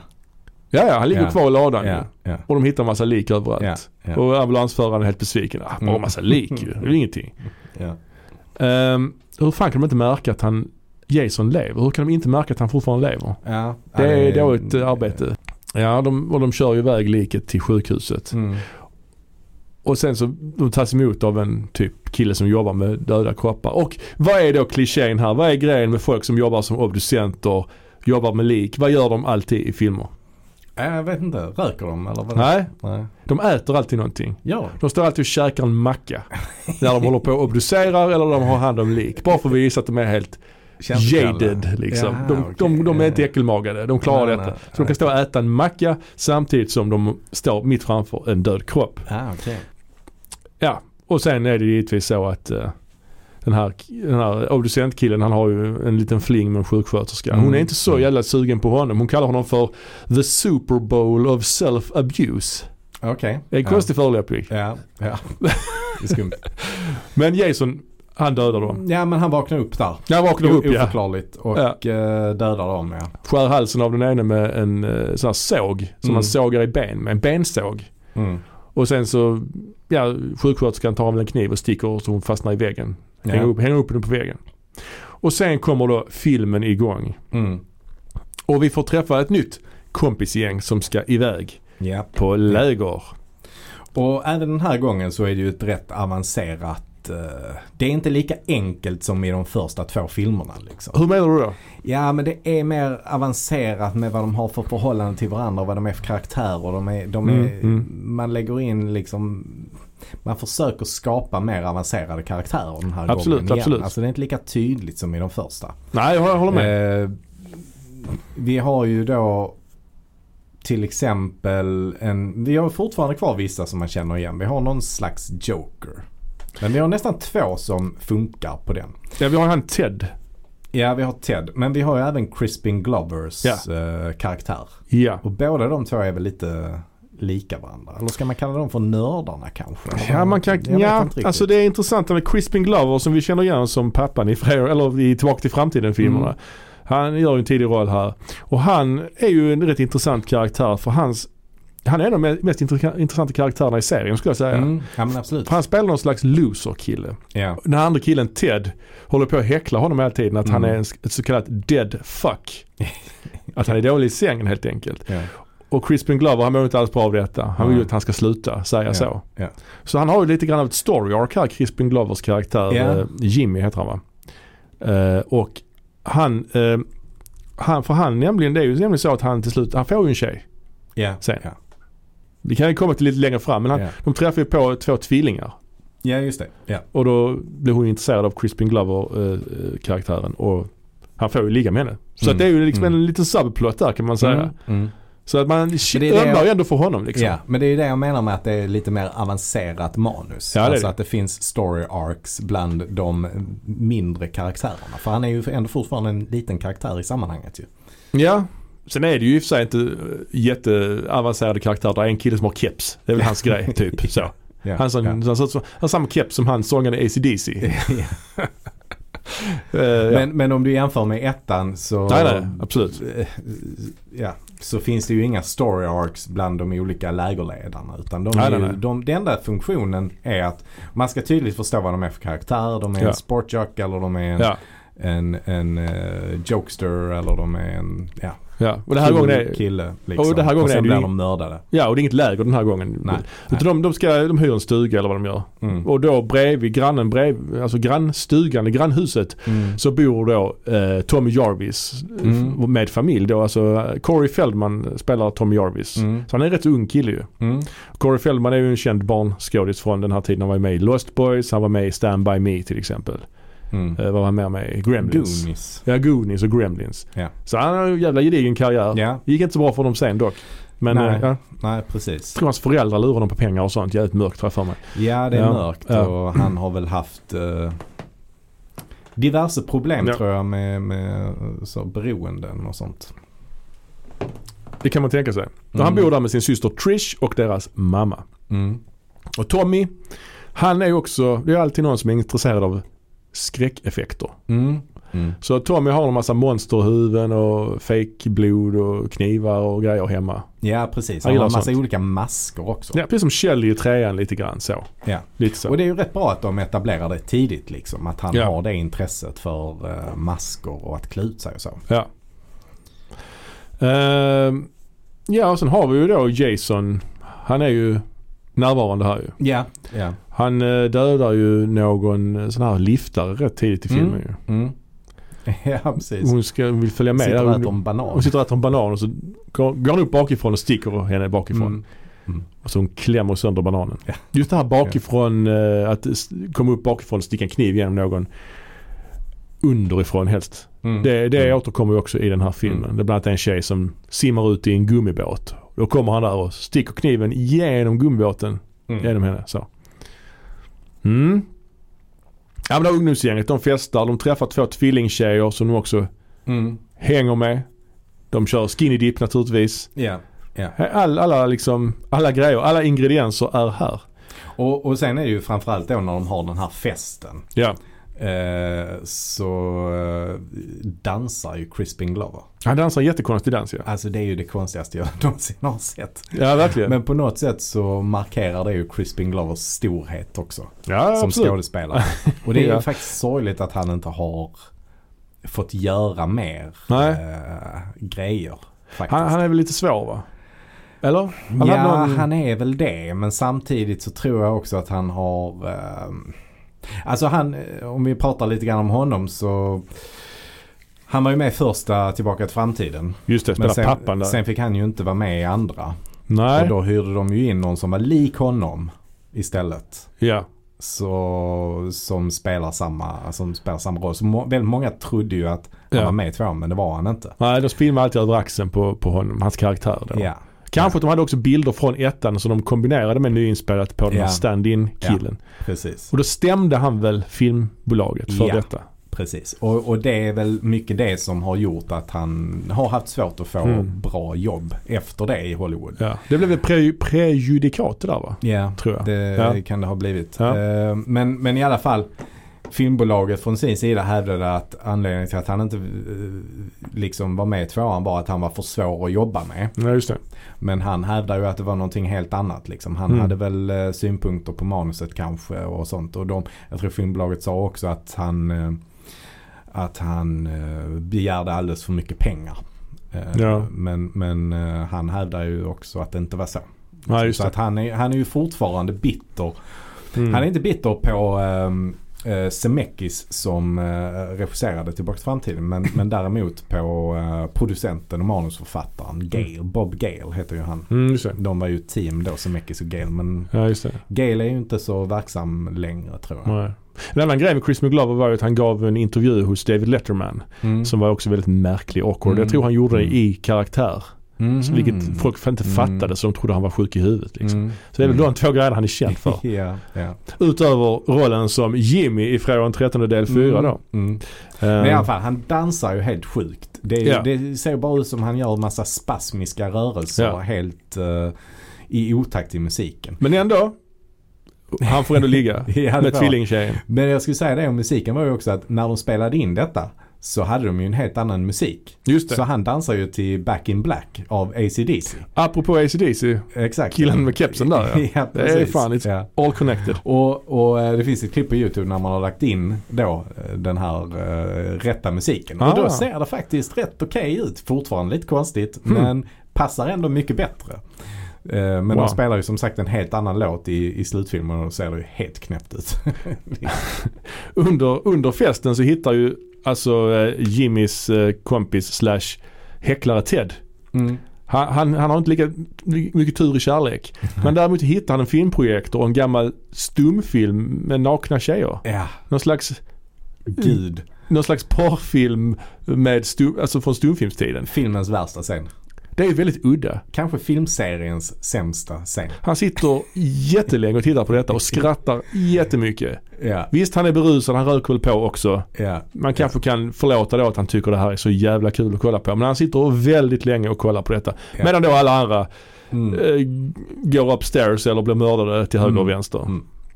Så det är ju liksom, Och sen blev han också mördad efter, efter en stund. ja det blir han ju. Film, filmen går av och Mm. han ställer sig till, han står vid filmduken och blir bländad. Och, Ja. ja det är, ja. Blir mördad bakifrån återigen. Mm. Sen har vi ju då, alltså om vi ska bara gå in lite grann på karaktärer. Trish då, stora systern till Corey Feldman. Hon träffar ju en kille som heter Rob. Mm. Som är ute och hajkar Mm. i skogen. Och det kommer då fram att Rob då, han är bror till karaktären Sandra från andra filmen. Ja, och, Och han- vem är då Sandra? Ja, jag minns inte filmen. riktigt. Det är en av tjejerna som blev mördad i andra filmen. Ja, det måste vara hon, den fina flickan som är intresserad av han i rullstol måste det ju vara. Det är nog ja, så Ja. tror jag nog det. Och, och då, han ska ju hämnas då. Han, han är Mm. övertygad om att Jason är där ute och han ska hitta Mm. honom. Mm. Han säger att han är där för att jaga björn men det, Mm. det, det, det tror de inte på för det finns inte björnar där. Eller vad fan Mm. det nu är. Ehm, och eh, ja, Jason Alltså, han... det är, det är, för mig är det, det är väldigt många karaktärer. Jag föredrar ju när det är lite mer simpelt. Ja, Som i ettan och tvåan. Ja fast det här är ju inte, det är ju inte Gosford Park detta. Nej det är det inte. Men det är ändå ganska många olika relationer och alltså det är Ja. inte det de här filmerna ska Nej men jag kan, ändå uppskatta, jag. jag kan uppskatta Glover att han liksom får den här tjejen. Sen går han ju en död till Mm. mötes. Han ska ju Mm. hämta vin sen. Han är ju jätteglad. Hans Mm. story har ju ett lyckligt slut tror man ju. Mm. Eller det tror man ju inte men. Så frågar han då, var är korkskruven? Och då får ju han korkskruven rakt genom armen. Mm. Eller handen. Jason liksom sticker den rakt genom handen. Och sen en köttyxa rakt i huvudet. Pang! Och den scenen är ju inspelad baklänges tror jag. Att man, han Ja, drog ut köttyxan så det det. ser lite flummigt Ja, ut liksom. Ja. Ehm, Han säger det också så himla konstigt. mm. Where's corkscrew? Where's corkscrew? Eller något sånt. Ja, ja, ja. Ja det är kul. Och eh, ja, Folk blir mördade en efter en Mm. och det ju en liten jakt i slutet. Jason uppenbarar sig. Tommy och hans syster Trish är ju ensamma kvar. Ja. Mamman blir ju mördad också men man får ju aldrig se det mordet. Nej. Det tog man ju bort för det ansågs vara för grovt att mörda en mamma. Var det så? Ja, något sånt att det skulle bli för mycket. Mm. Så det, hon bara försvinner liksom mamman. Mm. Hon, hon, man, hon hör någonting, man säger hon reagerar på någonting off camera. Mm. Men sen är det inte, man får aldrig se resultatet av det så att säga. Och eh, Tommy och Trish eh, de barrikaderar sig i, sitt hus men Jason tar sig in. Men Tommy låser in sig i badrummet och börjar klippa håret på nolltid. Mm. Han, Ja, ra- rak, ja, han rakar ja. huvudet. För han har liksom läst lite grann om Jason och sett lite klipp på eh, Mm. teckningar av den här pojken. Han har hittat sådana tidningsurklipp och sånt Mm. också. Ehm, Precis. mm. Så att, ja, så att hon Trish springer då ut och tanken då är att han ska hinna fly. Mm. Men sen springer hon tillbaka in i huset Ja. igen. Ja. Och då är, blir hon uppstört över att han fortfarande är kvar. Ja. Ja. Och då blir hon ju, ja precis, och Jason kommer in. Mm. Men då händer det någonting som inte Jason var beredd på. Tommy går ner för trappan, rakat huvud Ja. och säger till Jason, Jason, remember Jason. Ja. Vad är det? Ja, vad är det? Alltså han klär ut sig till Jason som barn Mm. då i tanken och då ska Mm. Jason bli helt paralyserad och Mm. han måste ju förstå att, att, att han inte tittar på sig själv. ja. Alltså detta är ju lite grann samma, samma metod som det används i tvåan att hon klär ut sig till mamman, att han blir lite så. ja. Men här ja. är det ju att han tittar på sig själv. Ja, jag fattar inte. Och så säger han inte. 'remember Jason'. Vad ska han komma ihåg? Vad är det Ja. han ska 'remember'? Det är Nej. jättekonstigt. Ja. Ja, och då, Nej, jag vet inte. Men det slutar och då Jason blir eh, tagen på sängen kan man säga lite Han grann. blir paralyserad han något sätt. paralyserad. Och då får han ju en machete i huvudet. ja, och hans huvud genomborras Av av, Tommy då. ja, av Tommy och sen huvudet liksom glider ner på, längs machetens blad. Ja, så macheten tränger ju liksom in i... Genom ögat och genom ja, huvudet. Och på något sätt, ja. Mm. Mm. Men han överlever detta, han rycker ju till och då börjar ju Tommy hugga honom som fan och Ja. skrika die, die, die. Ja, Och sen klipp, och detta har jag för mig var bortklippt för övrigt också det här med huvudet i mache- macheten i ja, huvudet. ja. Och sen är det en liten epilog på sjukhuset. Eh, Mm. Trish vaknar upp, Tommy kommer in på hennes rum, de kramar varandra och sen slutar det med Mm. att Tommy tittar in i kameran med Mm. någon ondskefull blick. Ja. Och sen är det slut liksom. Som om att han då på något sätt har blivit den nya Jason. Kan man kanske Ja tolka det är ju så man tolkar att han Ja. har fått Jasons egenskaper eller vad fan det är. Eh, Den här filmen är ju, det är många slentrianmord. Det går lite väl snabbt. Men på många sätt så är ju det här den ultimata Fredag den 13 filmen kan man väl säga. På ett sätt. Den har Ja. Jason i hockeymask. Mm. Jason, han sköter sig rätt bra. Han är rätt snabb här. Mm. Han har bättre hållning. Mm. Ehm, man etablerar ju, man cementerar, om man tar bidrag till serien så så- liksom cementerar formen lite grann Mm. mer med så. Detta är ju den sista delen så det är ju så dags då Ja. egentligen. Um, alltså, ja, på sätt och vis är det, den har många, många, många saker liksom. Men, mm, men som jag har sagt så tycker jag att det är, det är för mycket olika, olika karaktärer och, och olika viljor och stories att hålla reda på. ja, Det blir Ja. för lite fokus på Jason. Kanske i, det. I, I den här filmen faktiskt. men man etablerar också Tommy Jarvis. Mm, Det är också tre, det är Mm. redan rätt trevligt liksom. Mm. Ja men absolut. Sen tycker jag ju inte, alltså jag är inte överförtjust i Corey Feldman. Nej, nej. Jag tycker inte han, eh, han gör en särskilt bra eh, roll här. Faktiskt. nej, han är inte superbra. Nej, det är han inte. Nej. Jag kan nog uh, störa mig lite på den karaktären faktiskt. Okej, du Eh, går så långt. Ja, ja, ja men det gör jag nog. Ja.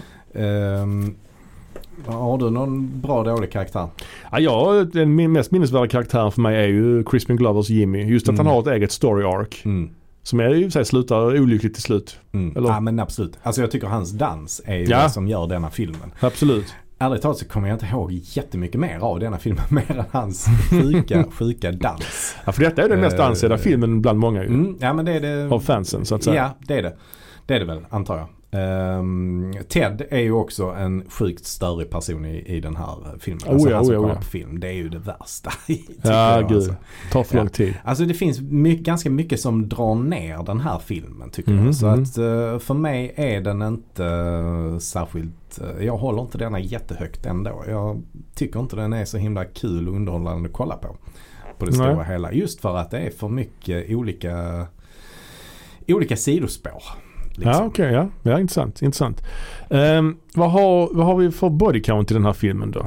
Jo, hela 14 personer sätt, 14. sätter Mm. livet till här. Även Mm. Jason då. Mm. Enligt, Mm. eh, det visar sig att han inte dör ju men eller gör han det? Eller det vet vi inte. Jo han dör Jo, ju. Han dör ju, förlåt. Mm. Inklusive Jason. Mm. Så att det är ett högt body count. Mm. Och det bästa mordet då, vad har du för något? Ja, mitt är alltså mordet på Jason. Tycker jag. Ja, Eh, okej. När han får macheten i huvudet Ja, och eh, den huvudet sjunker ner och macheten liksom trycker igenom hela Ja, skallen. det, jag räknar knappt det eftersom det Nej, är Jason som... Jag vet det är lite Ja, ja. kontroversiellt att säga det. Ja, Men, ja.